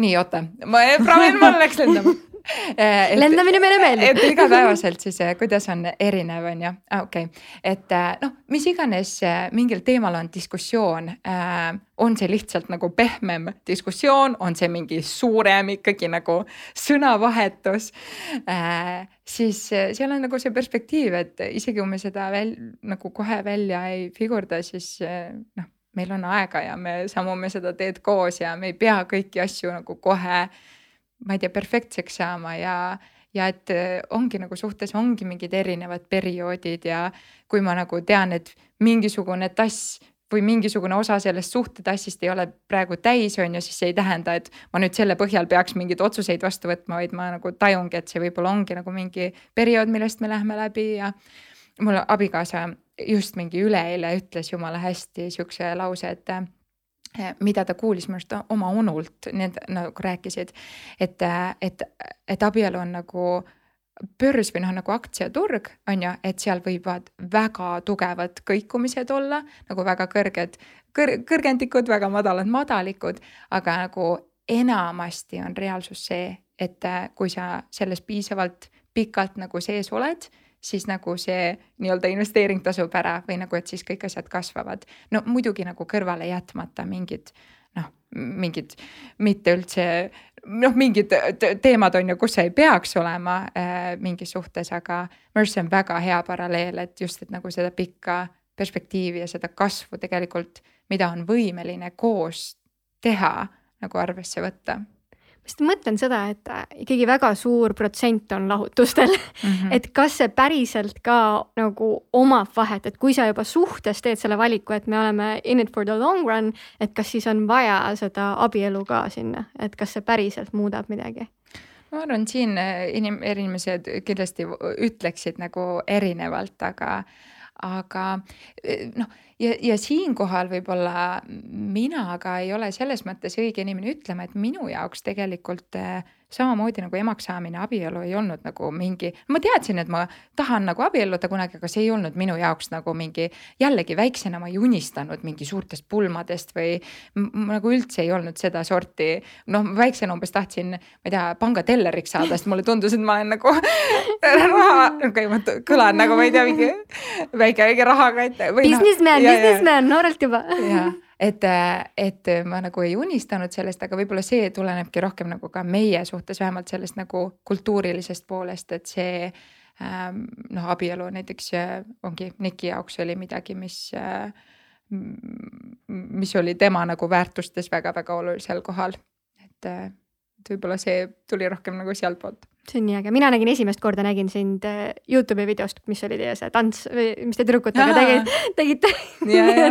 see oli ikka korralik viral hitt, et pulmad olid vinged, vähemalt tundusid video pealt. jaa, selle äge tants tõesti aga kui sa peaksid mõtlema selle peale, oma elu peale mm, -hmm. et äh, ja coaching'u peale mm, -hmm. siis äh, kes on olnud sinu elu kõige olulisem coach? Kohe kindlasti minu äh, Southwesterni äh, mänedžer Andres, kes oli siis see inimene, kes mind äh, üheksateistaastase esmatudengina täiesti nagu siukse roheline mingi lipat-lapat äh, käisin, käisin ringi ja lihtsalt toimetasin. Äh, võttis mind tema enda nagu tiiva alla ja tegelikult siiamaani minu jaoks on väga-väga olulisel kohal, et ma arvan, väljaspool nagu noh mu vanemaid ja, ja nüüd abikaasat, kindlasti tema on see inimene, kes on mu elu kõige rohkem mõjutanud ja, ja, ja kelle osas mul alati on, on südames väga oluline koht. kuidas ta sind aitas? no ma arvan, tema ikkagi, kuna mm, noh, ma arvan, kahekümnendate äh, algus või nagu see esimene pool üldse nagu inimese kujunemises on nii nagu kriitilised äh, aastad või noh, eks igal aeg saab nagu mingeid muudatusi, asju teha, aga, aga just nagu inimesena kujunemine.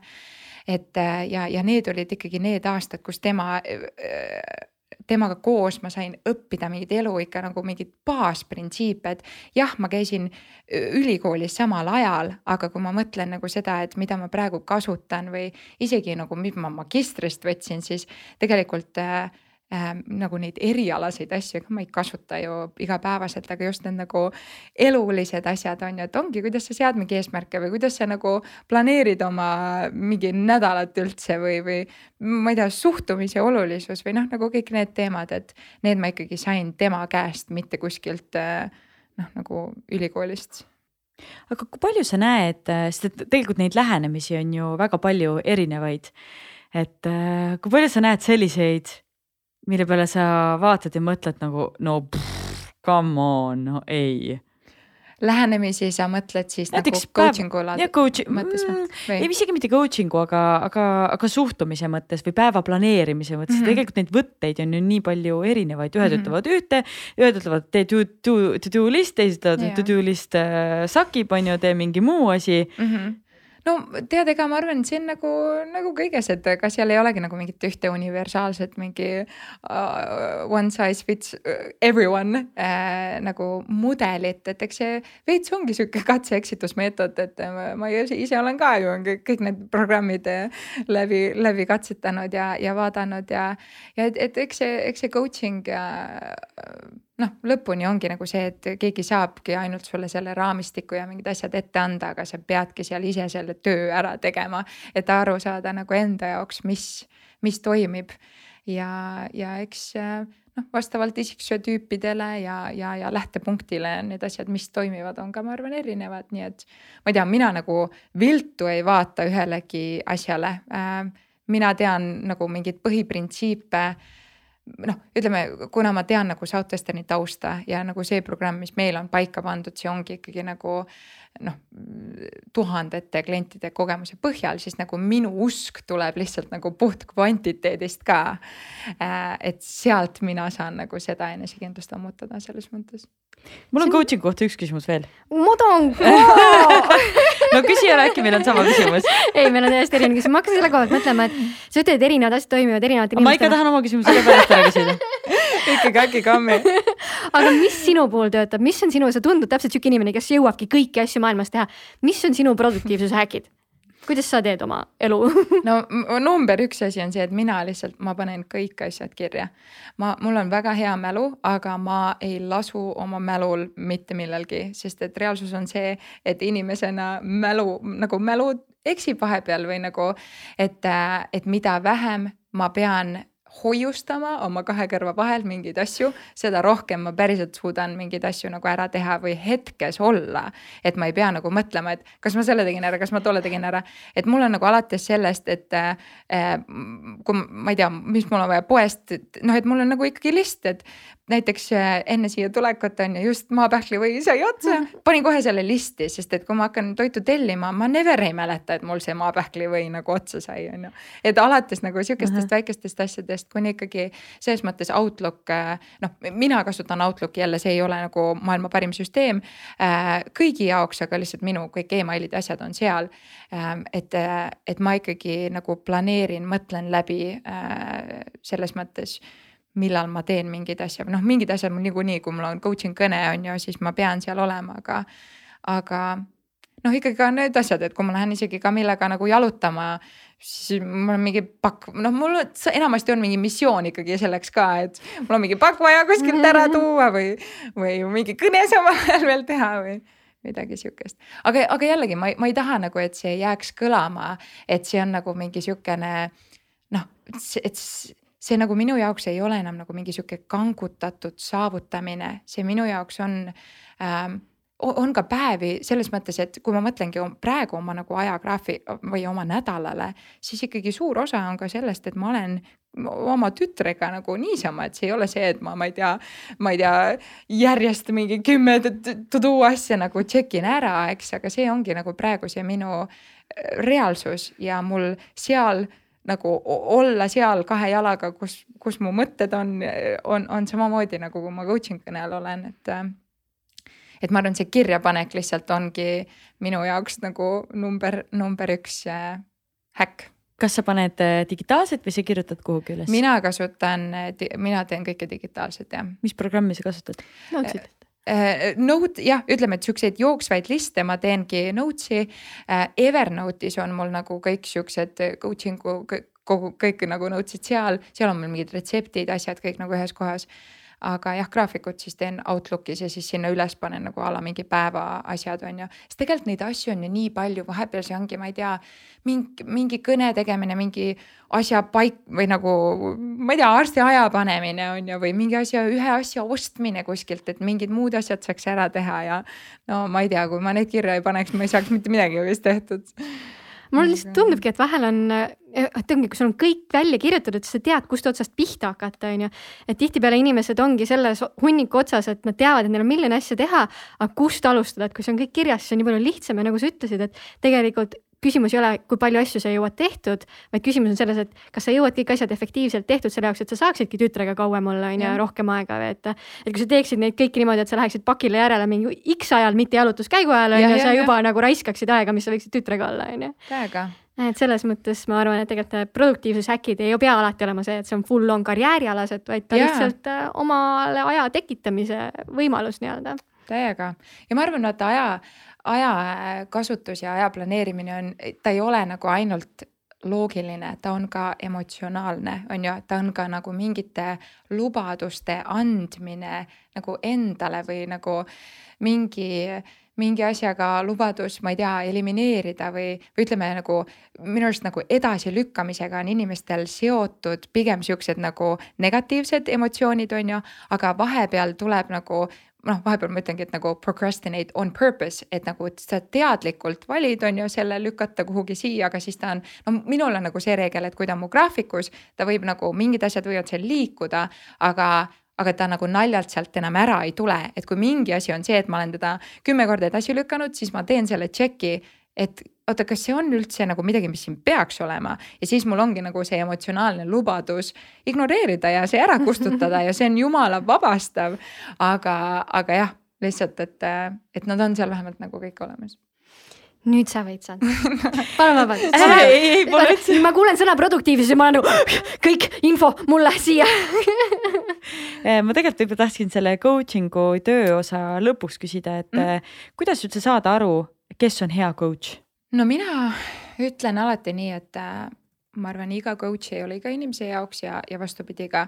et kui näiteks meil programmi tuleb keegi, siis noh, ma nagu, ma väga, me ei, me ei, ma ei kanguta kunagi kedagi kuhugi, et äh, see on alati nagu kahepoolne äh, suhe ja, ja noh, ma tean ka, me tõenäoliselt jõuame sotsiaalmeediani ja näiteks see on üks valdkond. ei, me ei jõua see, see jääb kõrvale see nagu tegelikult jah, ma nagu jagan selle coaching'u kohta mingeid väikseid noppeid siit ja sealt, aga ma tegelikult ei ole nagu, ma tegelikult ei ole nagu sihukest nagu üldse kutsunud inimesi või nagu noh, ütleme praegu ma ei ole ka seda saanud teha, sest et noh, lihtsalt ajaliselt, kuna ma tegelikult olen nii-öelda emapuhkusel, puhkusel, puhkusel ja, ja.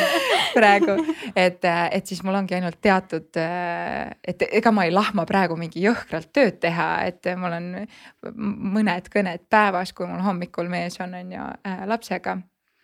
et et ma arvan, et eks see natukene on nagu sihuke tunnetamise asi ka, et kellega sul klikib, noh, meie teeme muidugi ka sellise isiksuse tüübi nagu testi.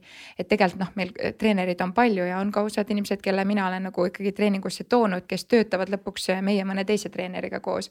sest et lihtsalt nagu noh, isiksuse tüübilt mina ei ole nagu mega selline detailiinimene, ma ei ole sihuke detektiivi tüüpi äh,. meil on osad treenerid, kes on ja kes on selliste inimestega koos töötamises kümme korda korda paremad kui mina äh,. nii et siis äh, noh, me natukene nagu kasut-, mix ime, match ime vastavalt siis nendele lähtepunkti ja isiksuse tüübile ka uh,. mis isiksuse tüüp ma olema peaks, et sinu juurde saada tulla? No mina enamasti töötan, noh, ütleme meil on nagu põhimõtteliselt eh, diski nagu sihuke adaptatsioon, eh, mis me ütlemegi siis on navigate, mis ongi nagu rohkem sihukeses ostu-müügi eh, olukorras või juhtimise olukorras, kus ongi sul nagu võitleja, meelelahutaja, sihuke nõunik ja detektiiv. ja noh, mina ise olen rohkem sihuke väljapoole suunatud, ehk siis sihuke meelelahutaja, võitleja rohkem. nii et sageli mul ka ikkagi need, kellega ma koos töötan mahuvad nendesse kahte nagu. tundub, et Kairi läheb võib sinna alla minna küll. jah, põhimõtteliselt nii et võid tulla, ma panen selle kohe õhku. ma ei olegi, ei, ma ei ole jah, ma EBS-is meil oli ka coaching'u äh, nii-öelda loengud ja siis seal me tegime seda, aga ma ei ole kunagi coach'i juures käinud, et see on tõesti ka üks uus võib-olla põnev kogemus, mida saada oma ellu, sest sa ju kunagi ei tea, et mm -hmm. äkki see on asi, millest on millegi jaoks kasu kuskilt otsast on ju, et isegi kui võib-olla praegu ei tunne vajadust, siis võib-olla sealt koorub miskit. aga sa oled inimesena sihuke, kes teebki, mul on tunne nagu kõiki asju on ju, et sa nagu kasvatad last, sa teed seal kõrvalt tööd kokkad mingeid siukseid fiiste, et ma olen nagu what, siis jõuad veel trenni teha ja kõike. kuidas sa reaalselt saavutad tasakaalu või kuidas sa hoiad oma vaimset tervist kogu selle hullumeelsuse keskel, eriti arvestades, et elu ei ole andnud sulle nagu kõige kergemaid äh, hetki mm? -hmm tead, ma ega, ega ma iga päev ei ole selles balansi hoidmises ka teab mis hea, et, äh, et ma iga aasta, igasse nagu aastasse minnes ma tavaliselt äh, formuleerin enda jaoks nagu mingisugused siuksed märksõnad ja tegelikult selle kahe tuhande kahekümne esimese aasta märks, märksõnad mul oligi balanss ja, ja nagu aktsepteerimine. ja, ja tead, see, see balanss on üldse nagu sihuke huvitav sõna, et kõik nagu kõik nagu mingil määral nagu ajavad seda vaata taga, onju, aga kas keegi kunagi nagu suudab öelda, et halleluuja, palun ütle see välja kuule, et ma olen, mul on jumala hästi selle balansiga onju, mul on kõik asjad balansis ja jonksus. et, et, et, et ma vahel nagu olengi nagu mõelnud, et võib-olla see ongi nagu mingi sihuke nagu asi, mille poole me pidevalt nagu püüdleme, aga et, et üks päev, vot see nagu läheb selle aktsepteerimisega kokku, et ma just mõtlesin selle peale, et et kas ma olen üldse nagu täitsa lõpuni enda jaoks nagu ära defineerinud, et milline see balanss siis minu jaoks nagu praegu on. et, et balanss ju tegelikult ei tähenda, et asjad on nagu protsentuaalselt samas mahus, vaid, vaid nagu vastavalt mingitele valikutele või, või sesoonsusele nad kuidagi lihtsalt nagu mahuvad üldse sinna nagu kaalule, eks. et äh, et ehm, ja, ja mingites asjades siis ma mõtlesingi, et, et, et aga ma ei, ma ei teagi, et võib-olla mul siin on tegelikult näed balanss okei okay,, on ju, aga selles valdkonnas on jumala mööda et.... näiteid, palun näiteid ähm, no, noh hiljaaegu siin oligi näiteks toitumisega, ma tundsin, et nagu mingi hetk mul äh, elus nagu ma, see oli üliteadlik valdkond mu elus nagu. ma tegin väga häid otsuseid selles osas ja nagu mingi hetk ma lihtsalt avastasin, et oh my gosh, see on täpselt üks nendest asjadest, kus ma olen nagu mingeid väikseid, see ongi täpselt nende väikeste sammude ja otsuste nagu äh, kogu kuhjumine on ju, siis mingi hetk ma olin mingi oh my gosh, Liisa aktsepteeri seda, see on probleem, sul on nagu sõltuvus siin nagu, sa võid sellega edasi minna või sa, või sa tegeled sellega ja seal on mul praegu ka üldse ei ole hea balanss nagu aga. oota, defineerime see sõltuvus, kas see on suhkrus Su? ja, ja magus suhkur, jõhker, see on nagu sihuke suhe mu elus, mis no love hate, no nii tugev, et ma terve elu nagu, mul ei ole ma, ma ütlen ausalt, mul ei ole nagu mega palju mingeid halbu harjumusi olnud, ma ei ole kunagi mingeid suitsetanud või mingeid aineid või no mida iganes nagu sihukest väga tugevat enesehävitust nagu teinud äh,. aga no vot see suhkur, vot see on, see on küll mu suur sõber ja suurim vaenlane et äh, aga vot see balanss, kui sa küsid, kuidas ma seda loon, no ma ei tea ma lihtsalt tunnen, et, äh, et kui mingid asjad mu elus kuidagi jäävad nagu täitsa tagaplaanile, siis ma, siis see hakkab mõjutama lihtsalt nii palju mingeid muid äh, valdkondi ka või ala, kui ma isegi ise ei valida, vali kaitsta nagu paar korda nädalas seda trenni tegemist, kasvõi sellel ajal, kui mul tütar magab, siis ma tean, et ma nagu olen enda peale ikkagi kuidagi pahane ja siis ma äh, ei ole ise heas meelestatuses, siis paratamatult ma ei ole ju nagu nii hea ema või kaasa, kui ma saaksin olla. kuigi nendel kahel rollil või sellel hetkel ei ole mitte midagi pistmist sellega võib-olla, kust nagu, kuhu ma jõuan selleks hetkeks, on ju. nii et tead, ma ei teagi, kas ma oskan siin midagi head öelda, ma lihtsalt, ma, ma tean nagu seda, mis on tõesti mingid asjad, mis mind täidavad ja mis on minu identiteedi nagu nii tugev osa ja nagu, et ma pean nagu välja figurdama, kuidas ma kasvõi natukene saan neid kaitsta, et olla lihtsalt nagu nendes teistes rollides ka okei okay.. mis need sinu jaoks on siuksed must have asjad? No ma arvan, et ikkagi nagu selline eneseteostus kindlasti on nagu oluline osa, et äh, noh, oligi näiteks emaks saades minu jaoks nagu üks suur hirm oli ikkagi see, et ma nagu, ma ei tea, nagu kaotan ennast emadusse või kuidagi. Äh, et, et nagu see noh, ma olen ikkagi nagu uhkust tundnud selle üle, et ma olengi nagu tööd teinud ja ma olengi töökas ja ma ei karda tööd ja ma hindan tööd ja, ja ja, ja ma nagu väga ka nagu kartsin, et, et mitte, mitte, et sellel nagu on midagi halba, kui keegi valibki, minu jaoks see tundub palju nagu raskem. kui, kui nagu midagi veel nagu kõrvalt teha, et siis oligi näiteks see oli oluline asi, mille, mida me üldse nagu abikaasaga pidime nagu nuputama, et kuidas me, kuidas me saame selle teoks teha. ja, ja siin absoluutselt nagu patsutas tema õlale, et ta on ka nagu valmis tiimitööd selles mõttes tegema noh, kindlasti trenni asi, kindlasti nagu äh, sõbrad on minu jaoks hästi olulised ja see ongi, ma ei tea kui täitsa beebi oli Camilla, siis mul oligi nagu sõbrannadega need jalutusteidid, vaata, nad käisid kaasas ja, ja see oli ka nagu graafikus, vaata siin jalutan sellega, siin seal sellega. et, äh, et ma saan nagu, mina saan energiat inimestest. Äh, mind nagu see täidab, ehk siis nagu sihukeses sihukestes õigetes suhetes olemine, olgu see kasvõi mingi nii-öelda nende e-, ema, ema e-, sõpradega on ju, mhm. kes on ka EMS-id ja kellega me koos teeme kuni nagu ma ei tea, perega, et mul on tunne, et kuidagi joonistub muster, et õnnelike emade kõrval on alati sihuke hea tiimiliige. kuidas teil see tiimivärk välja näeb? ja no ma siin üks päev just äh,, Nick, läheb äh, selle nädala lõpus äh, äh, esimest korda nagu äh, reisile, noh, mitte üldse nagu pikalt, aga me alati käime nagu igal pool koos ja see on üks asi, mis me noh, kuidagi meile meeldib koos teha ja me alati teeme perega mingeid asju, aga noh, kuna ta ei ole äh, me ei ole saanud USA-s käia nüüd kolm pool aastat ja ta ei ole oma sõpru nagu noh, kui minul on see, et ma ei tea, emme juurde on vaja minna, siis sõidan viisteist minti on olemas, siis noh, tema ei ole ikkagi oma lähedasi väga pikalt näinud ja ta ühe sõbraga saab minna.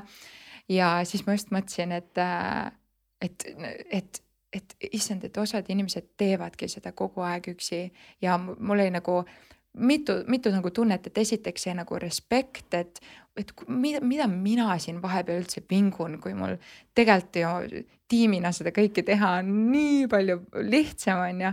aga teiseks ka natukene nagu sihuke kurbus, et, et, et see on ju kindlasti väga nagu väljakutsuv. aga ma arvan, et noh jälle kõik need lapsevanemlikud klišeed saavad tõeks, kui sa päriselt lapsevanemaks saad või nagu, et kõik ütlevad, vaata it takes a village on ju. noh, noh, tegelikult tõesti, ega üksinda ma, ma, ma ei kujutagi ette, et, et selles mõttes professionaalses mõttes meil tõesti on äh, graafik äh, koordineeritud omavahel ja, ja samamoodi mina teen, mina tean, et mina olen võimeline mingeid asju rohkem enda peale võtma, et tema on suuteline rohkem asju tegema, mida tema armastab ja. aga vahepeal ongi see, et isegi kui ma ütlen, et päriselt Nick, mul on, ma pean nagu, ma pean korraks jõusaalis käima, et kus sa saad lähiajal nagu vaadata. Camillat korraks, noh, sageli see ongi tund aega, sa käid ära ja sa oled nagu hoopis värskem, vaata on ju. et seal, seal see tiimitöö on tõesti ma arvan, väga oluline. aga kas sul on tekkinud ka sellist tunnet, et sa ei saa minna või et sa tunned ennast kuidagi süüdi, kui sa jätad Camille?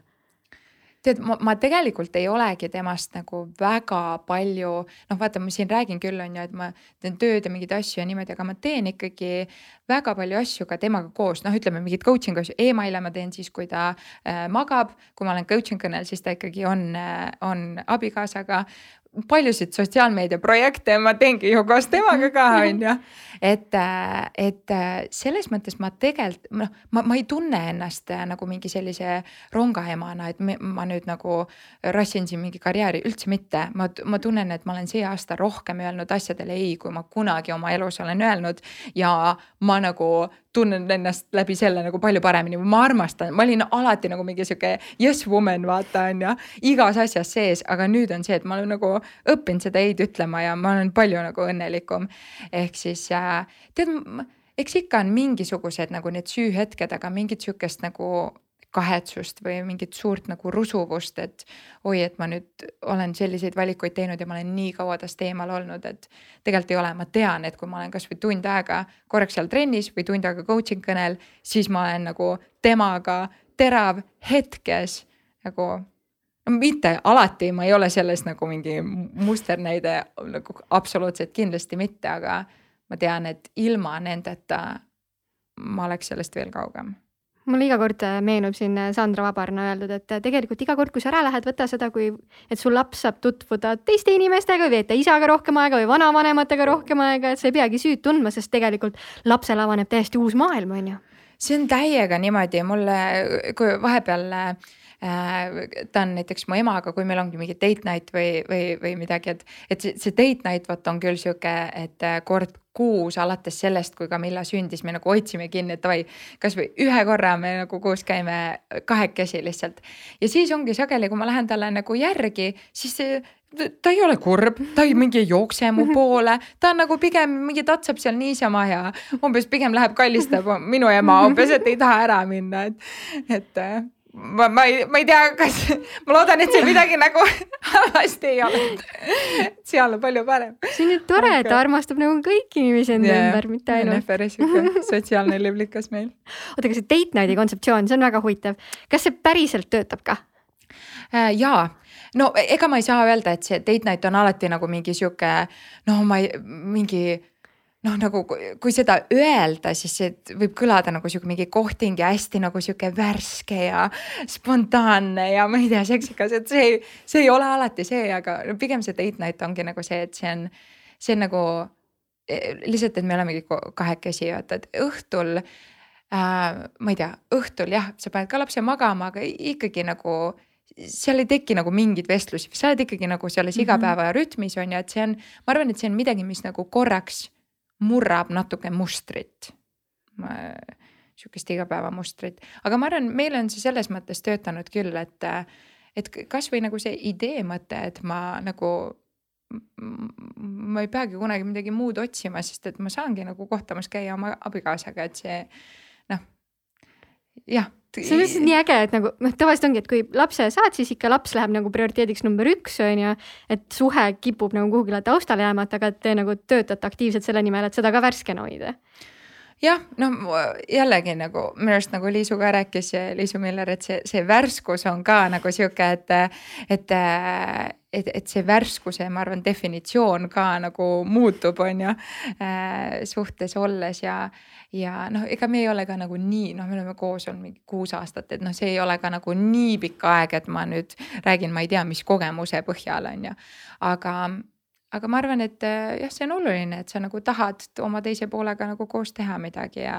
ja et mõlemad on nagu valmis seda tegema ja eks me ikka palju teeme nagu perega, peamiselt ikka, et väike, väike unsu on ka kambas enamasti kas teil on mingi protokoll, et kui tekivad näiteks arusaamatused või tekib selline nagu kõrgendatud äh, olek mm -hmm. kodus, et kuidas te nendest hetkedest äh, üle saate? Oi, ma, ma, ma loodaks, et meil oleks mingi, mingi protokoll. tead, reaalsus ongi see, et, et, et see, miks me teeme palju tööd, ongi see, et on vaja teha palju tööd sest et ega, ega meil ka suhe ei ole mingi, mingi. palju tööd siis oma suhtega? jah, mhm. jah, just, just, just, just, et äh, palju tööd suhtega, sest me jah, meil on vaja teha sellega tööd, et äh, me oleme mõlemad äh, väga äh,, väga arvamusekindlad ja me oleme mõlemad väga tegelikult kangekaelsed ja äh, küllaltki temperamentsed Äh, ja selles mõttes me äh, ikka põtkime, me oleme, meil on üks, me oleme mõlemad äh, kaljukitsed, et äh, me ikka põtkime korralikult. ja, ja, ja, ja ega me ei ole kindlasti nagu sellises kohas, kus me oskame nagu kõiki, kõiki lahkarvamusi ilusti ja rahulikult äh, nagu lahendada ja ma arvan, seal on ka palju nagu sellist kultuurilist äh, tausta, mida me alles nüüd selles perioodis oma suhtes oskame võib-olla nagu näha või mingeid asju kokku viia või mingeid asju nagu teistmoodi mõista, mida võib-olla enne võtsid isiklikult rohkem et äh, aga nagu üks asi on küll see, et me tõesti proovime nagu äh, rääkida äh, palju ja, ja see minule ei ole üldse loomulik. et et, et jällegi ma arvan, sealt tuleb mängu see, et, et ma tahan lihtsalt nagu edasi minna ja mingid asjad vahepeal nagu ma ei tea, vaiba alla poetada, on ju, et aga, aga temal jah, sihuke nagu läbi, asjade läbirääkimine ma arvan, väga oluline aga nagu vastus su küsimusele, siis ei, protokolli meil ei ole. vahepeal on äh, kõrgendatud, vahepeal on tulisem. Äh, vahepeal on kirglikum, vahepeal on äh, kõike seda, aga, aga jällegi, see on see aktsiaturg, pikemalt mhm. sees oled, seda rohkem välja figurdad, kuidas neid kõrgendikke nagu hoomata ja madalikest edasi liikuda ja millal osta, millal müüa mingi podcast oli, kus ma kuulsin, et õnneliku suhte saladus on äh, umbes kolmes-neljas täiesti mõttetus kommentaaris, mida sa jätad päeval tegemata. ma nägin ka seda kuskil. Pole vaja, jah, nii on, jah. ja et ma arvan äh, nagu suur asi, millega me peame nagu tööd tegema, ongi nagu kuidagi sihuke ego manageerimine, et äh, ja nagu arusaam, et nii paljud need asjad nagu ma arvan, meil mõlemal on see tendents, et me võtame mingeid asju nagu isiklikult, aga tegelikult eh, noh, mida rohkem me nagu ka eraldi teeme tööd, seda rohkem sa nagu näed mingeid asju, et, et, eh, et see ei ole nagu ju olenemata minu sellest nagu selles punktis olekust või mitte, mingid need asjad oleksid niimoodi läinud või nagu mingid need asjad ongi nagu nii-öelda tema asjad, millega ta tegeleb, et eh, et äh, jah, mitte see võib-olla see nagu ego, ego nagu mahasurumine, et kõik ei ole nagu minu pärast või minu ümber või minu tõttu või nagu jah, sellega nagu rahu teha. ma ei taha olla see, kes ütleb seda, aga ma ütlen seda. no ütle välja. räägime spordist ja siis on fänni küsimuste aeg. Davai. Nonii sa ütlesid, et sa kaitsed oma seda trenni tegemise aega, sest sul on seda päriselt vaja. kust sul see tulnud on, kas sa oled terve elu sportlik olnud? Ja spordiga on tõesti niimoodi, et, et, et ma arvan, väiksest peale see on nagu meie peres üks selline põhiväärtusi kindlasti olnud, et, et mul vanemad on väga aktiivsed. ma siiamaani mäletan nagu äh, talveti nagu mingi äh, laupäevad, pühapäevad me käisime alati äh, suusatamas. mul isegi vahepeal oli nagu mingi sihuke lapsepõlvetrauma, et, et äh, ma nagu suusatamisest mingi aeg äh,, kui ma kodust välja, välja kolisin, olin äh, hästi pikalt eemal, sest et mul olid need hetked, kus me me läksime sõbranna juures umbes, jäime ööseks mingi grupiga ja siis kell kaheksa hommikul minul olid vanemad ukse taga ja mina pidin mingi pagana suusatama minema kuskile. et, et aga, aga noh, ütleme see nii-öelda naljaga, aga nad on selles mõttes meisse noh, mu õele ja vennale ka kindlasti nagu sellise aktiivse elustiili äh, nagu hästi normaalseks eluosaks teinud, et äh, see on, see on midagi jah, mida me alati nagu praktiseerisime. et äh, väiksena käisin igast trennides ja, ja see on jah ikka elu osa olnud alati. sa mainisid, et äh, sa käid jõusaalis sa oled äh,, vanasti käisid äh, Nike'i trennides mida sa praegusel ajal kõige rohkem teed? praegu ma käin vangiga jalutamas ja põhimõtteliselt läbi hangete praegu ma just ütlesingi mehele, et kuule juuks ei pea minema, et see on siukene nagu. ma nägin üks päev ühte naist, kes tuli, ta oli nii hädas lihtsalt nagu, siis ma tahaks tahtnud talle öelda, et aga võta seda kui jõusaali siis ma lihtsalt, ma kujutan ette, et sealt oleks tulnud mingi parem haak lihtsalt. vaata jõuksis on, mulle tuleb alati Baltas meelde, on vaata see nagu toru, kus sa paned need äh, kettad ümber ja siis nad lükkavad jah. seda, noh. Same, same kinda sama. et jah, ikka jalutan ja ma teen kodus nagu siukseid lühemaid, lühemaid trenne, et et noh, ma arvan, see on ka nagu see asi, mis me kõnetasime, et, et see nagu voolavus või, või rahu tegemine mingite asjadega, et ennem ma nagu äh, materdasin ennast, kui ma, ma ei tea, viis korda nädalas vähemalt nagu mingi sihukest nagu tugevalt higistamist ei teinud. et aga nüüd, nüüd ma teangi, et äh, ma ei tea, ma ei pea olema mingi mega noh, lihtsalt see nagu definitsioon ka minu jaoks, ma arvan, mis see vormis olek äh, tähendab, on nagu veits muutunud, mitte et ma olen nagu okei okay,, et davai, mis iganes on, see on, on ju. aga et ma ei pea nagu kangutama jälle nii palju selle nimel. aga mis see sinu jaoks tähendab? et kuidas, kuidas see välja näeb? vormis olemine ah,. vormis olemine, tead ma, ma ma arvan, et see on nii palju rohkem sellest, et kuidas ma tunnen, kui see, kuidas ma nagu välja näen ja see on noh, see on nii nagu lihtne asi, mida öelda, aga, aga noh. sellega noh, ütleme, et ma loomult, ma olengi nagu pikk ja, ja võib-olla noh, ongi, et ma saan kuidagi, ongi lubatud rohkem süüa on ju mingite asjadega, aga, aga see see ei tähenda, et ma alati nagu peaks seda tegema või ma selle nagu tagajärjel ennast väga hästi tunnen, et äh, pigem rohkem see vormis olek on see tunne mu sees, kui see, mis silmale välja on näha. No silmale välja on näha kaks meetrit jalga ja ma vaatan neid insta pilte iga kord nagu, mis lai nurk sul on, kust ma ka selle saaksin. aga me räägime sellest, et sinul on see spordiarmastus tulnud perest, siis äh, kuidas teil Nikiga on, et äh, kas te tahate ka Kamillale seda laupäev, pühapäev suusatame no ma ei tea, kas, kas, kas see, kas päris niimoodi.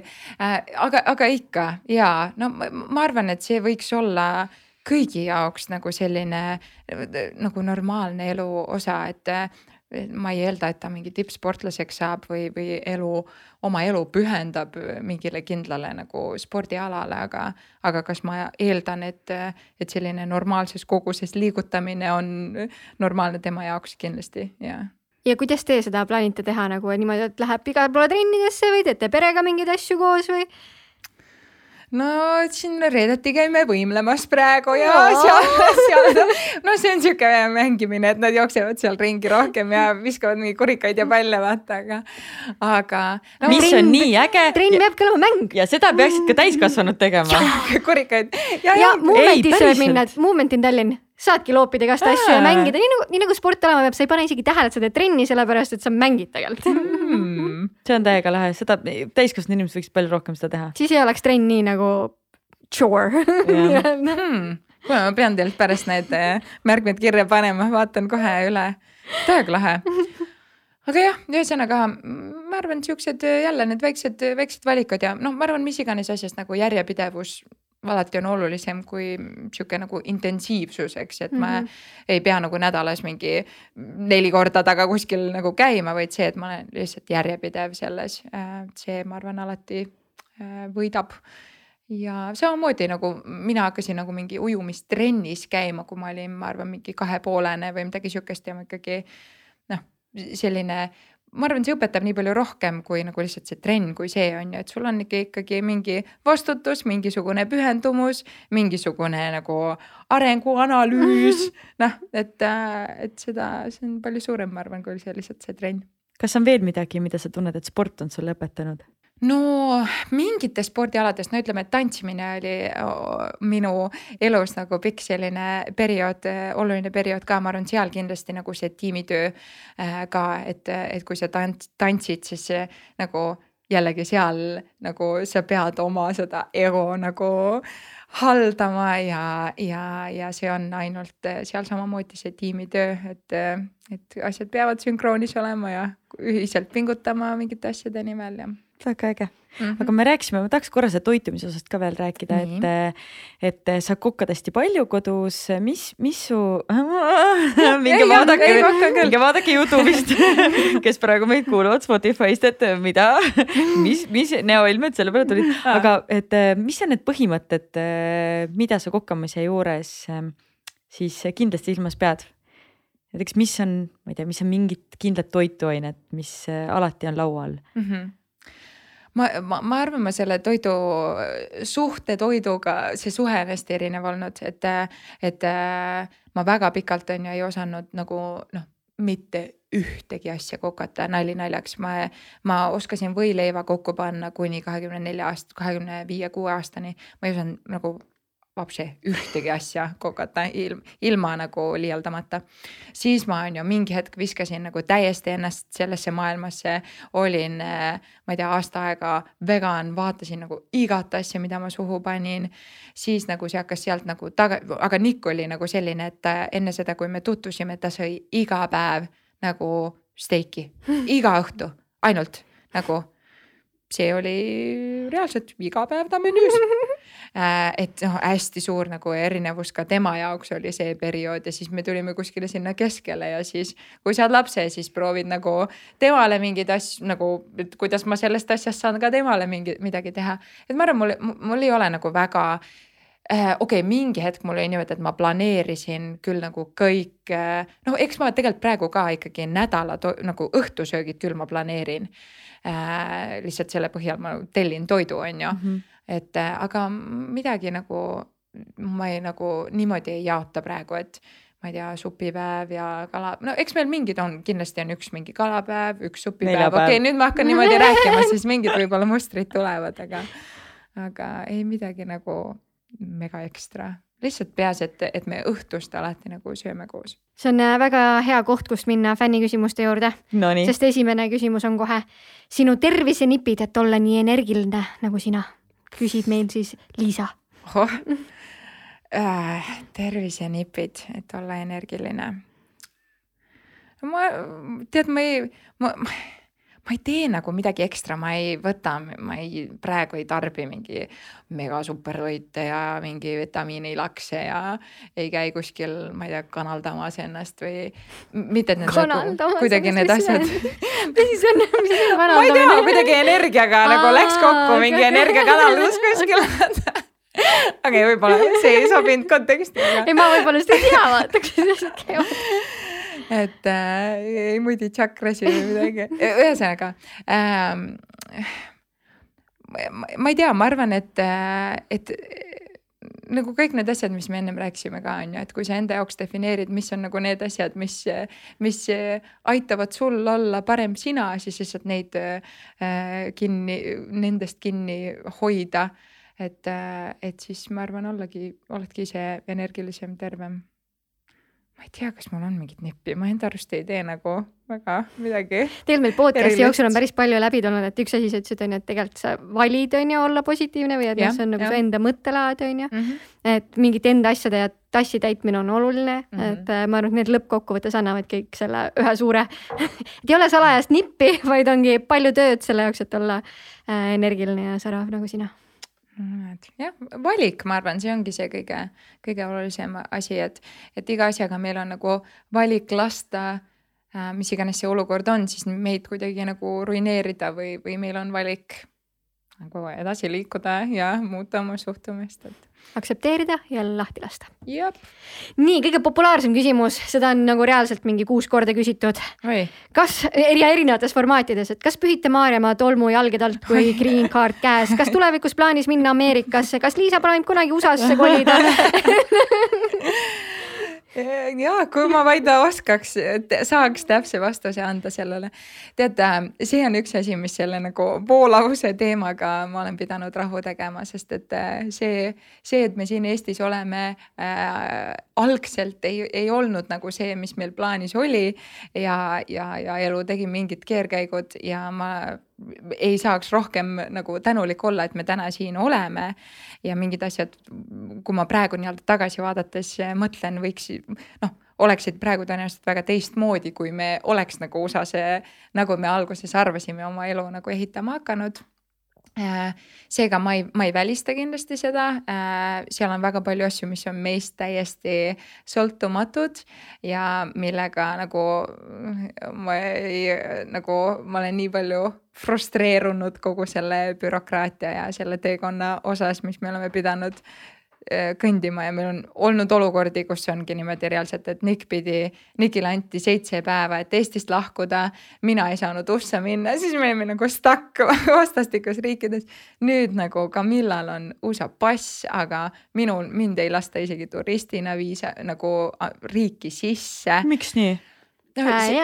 Kas keegi rikkus oma viisat? Äh, jah, tegelikult rikkusime küll, et, et selles mõttes see point oli selles, et kui me kui me Eestisse pulma tulime, siis sellel ajal, eks ole, meil oli see green card'i protsess käigus ja, ja nagu sa pead tegelikult olema nagu ühes riigis sellel ajal ja, ja noh, meil oli valik, kas me nagu cancel dame pulma põhimõtteliselt ära ja lükkame kõik asjad edasi või tuleme ja me tol hetkel valisime tulla, aga me kunagi nagu ei osanud hoomata selle otsuse nagu tõsidust või pikaajalist mõju. et äh, kogu see nagu kogu see migratsioonipoliitika on lihtsalt nii paindumatu, et see on täpselt nagu kui sul on kuskil nagu mingi märk küljes, nad ei vaata nagu seda hetke, mis praegu on, vaid nad vaatavad seda, et kuskil süsteemis lööb mingi lipuke ülesse ja siis sa oled äh, pühi käed puhtaks sellest riiki tulekust. eks me seda apelleerime ja, ja töötame ja ajame, aga see on lihtsalt üks pikk saaga, ütleme nii. nii et äh, kui äh, kunagi võib-olla lähme USA, kui lastakse, võib-olla ei lähe, et äh, praegu lähiaastad oleme me, lähiajal oleme kindlasti Eestis. No.. kus sa ise oma tulevikku näed pigem?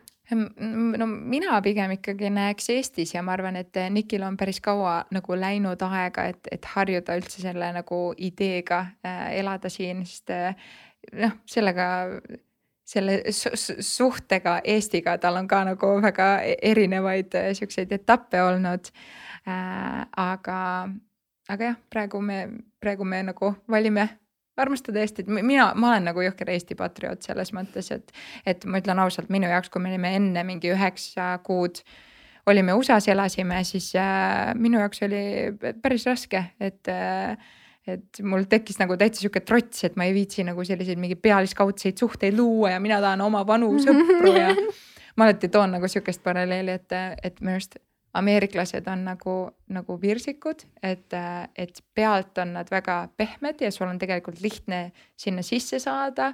aga nagu see, seest on nad selles mõttes, seal on see nagu kivi, mitte et nad on nagu kalgid, aga sul on nagu raske sinna päriselt sügavale minna.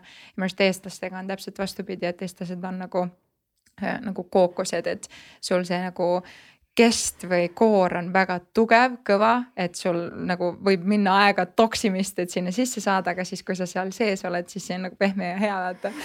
et, et ja, ja vaata Eestis ongi nagu palju, et kui sul on enda nagu tutvusringkond, siis, siis sa nagu ei taju võib-olla isegi nii palju, et läks sinna toksimisega aega. aga võib-olla Niki nagu kõrvalt nähes, siis ta ikka nagu toksib neid kookoseid korralikult aga kas ta proovib nagu Eesti kultuurisüsteemi kuidagi sisse elada rohkem või sest ma kujutan ette, et tal kliendid ja töö on ikkagi USA põhine on ju. Et kas ta proovib või on juba käega löönud, et ah, see kookos ei lähe kunagi katki. Purunematu.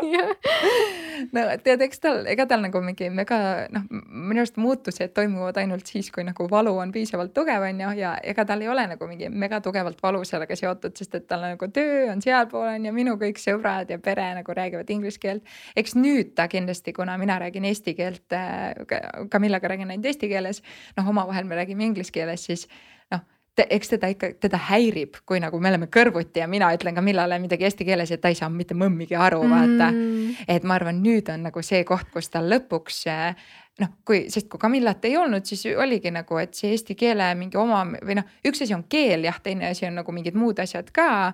aga just see keel on võib-olla nagu igapäevaselt sihuke kõige nagu suurem osa on ju, et ma nagu nüüd näen, et äh, tal juba hakkab veits nagu pitsitama, vaata.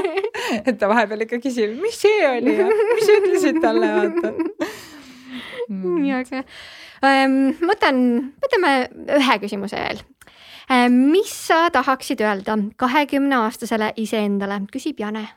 Ma, ma arvan, et nagu kõik sellised nagu tagasivaatamised on nagu need, et, et, et kui ma tegelikult olen nagu aus endaga, et antud olukorras olles, antud äh, nagu tingimustes antud teadmisi nagu omades ma ei oleks niikuinii mingit muud äh, otsust või midagi teistmoodi teinud, et, et siis, siis see ongi okei okay,, et et äh, jah, ma arvan, ma ei muudaks midagi, ma lihtsalt anna, ütlekski, et astu, astu edasi. Do you nagu. Do you jaa äh,, oh naljakas rääkida ma lihtsalt kuulasin. Sandra, sa ka siin nii väikse. mis sa tegid? roosas kamuflaažis Sandra tegi väikse uinaku vahepeal. Ei, ma jäin nii kuulama, nii ilus oli kuulata seda, aga ma sain nüüd rääkida. me lõpetame soovitustega. meil on sihuke väike soovituste nurk. Eh, ehk siis üks teos sinu mm -hmm. poolt, mida iga inimene võiks tarbida, olgu selleks siis raamat või on see näidend, näitus, podcast, mis iganes mm. -hmm. Mm -hmm. Um tead, kui ma mõtlen, ma nägin seda küsimust eile, siis ma mõtlesin, et ülipikalt kõige rohkem minu elu mõjutanud teos oli tegelikult Pipi Pikksukk. Pipi oli, on, ma arvan, siiamaani ma ütleks mingil määral nagu oli minu nagu sihuke mingi äh, iidol või nagu see, ma arvan, see iseseisvus ja see nagu, et if it is to be, it's up to me, et nagu mina seisan oma mingite asjade eest, hästi palju tuli nagu Pipilt. aga ütleme äh,, seega ma ei tea, kes Pipit ei ole lugenud, siis. see on väga hea soovitus.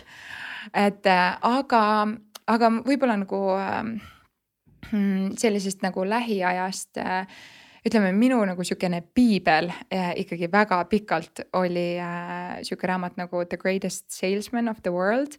Ja ma ütleks, et see ei ole isegi äh, nagu raamat, ta on rohkem nagu ka sihukene nagu enesehäälestus nagu kogumik, et seal ongi nii-öelda siuksed scroll'id või nagu väiksed peatükid ja ma reaalselt viis aastat järjest absoluutselt igal hommikul, kui ma äh, USA-s koputasin, lugesin sealt nagu ühe selle scroll'i ja need ongi pigem nagu siuksed äh, noh, et ta ei ole nagu sihuke ähm, ma ei tea, eneseabi, siin on kolm nagu sammu sulle ja ta ei ole ka nagu mingi ilukirjandus kuidagi, aga ta ongi nagu sihuke lihtsate mõtete meelde tuletamine, mis tegelikult ju sageli nagu sihuke positiivne enesehäälestus ongi.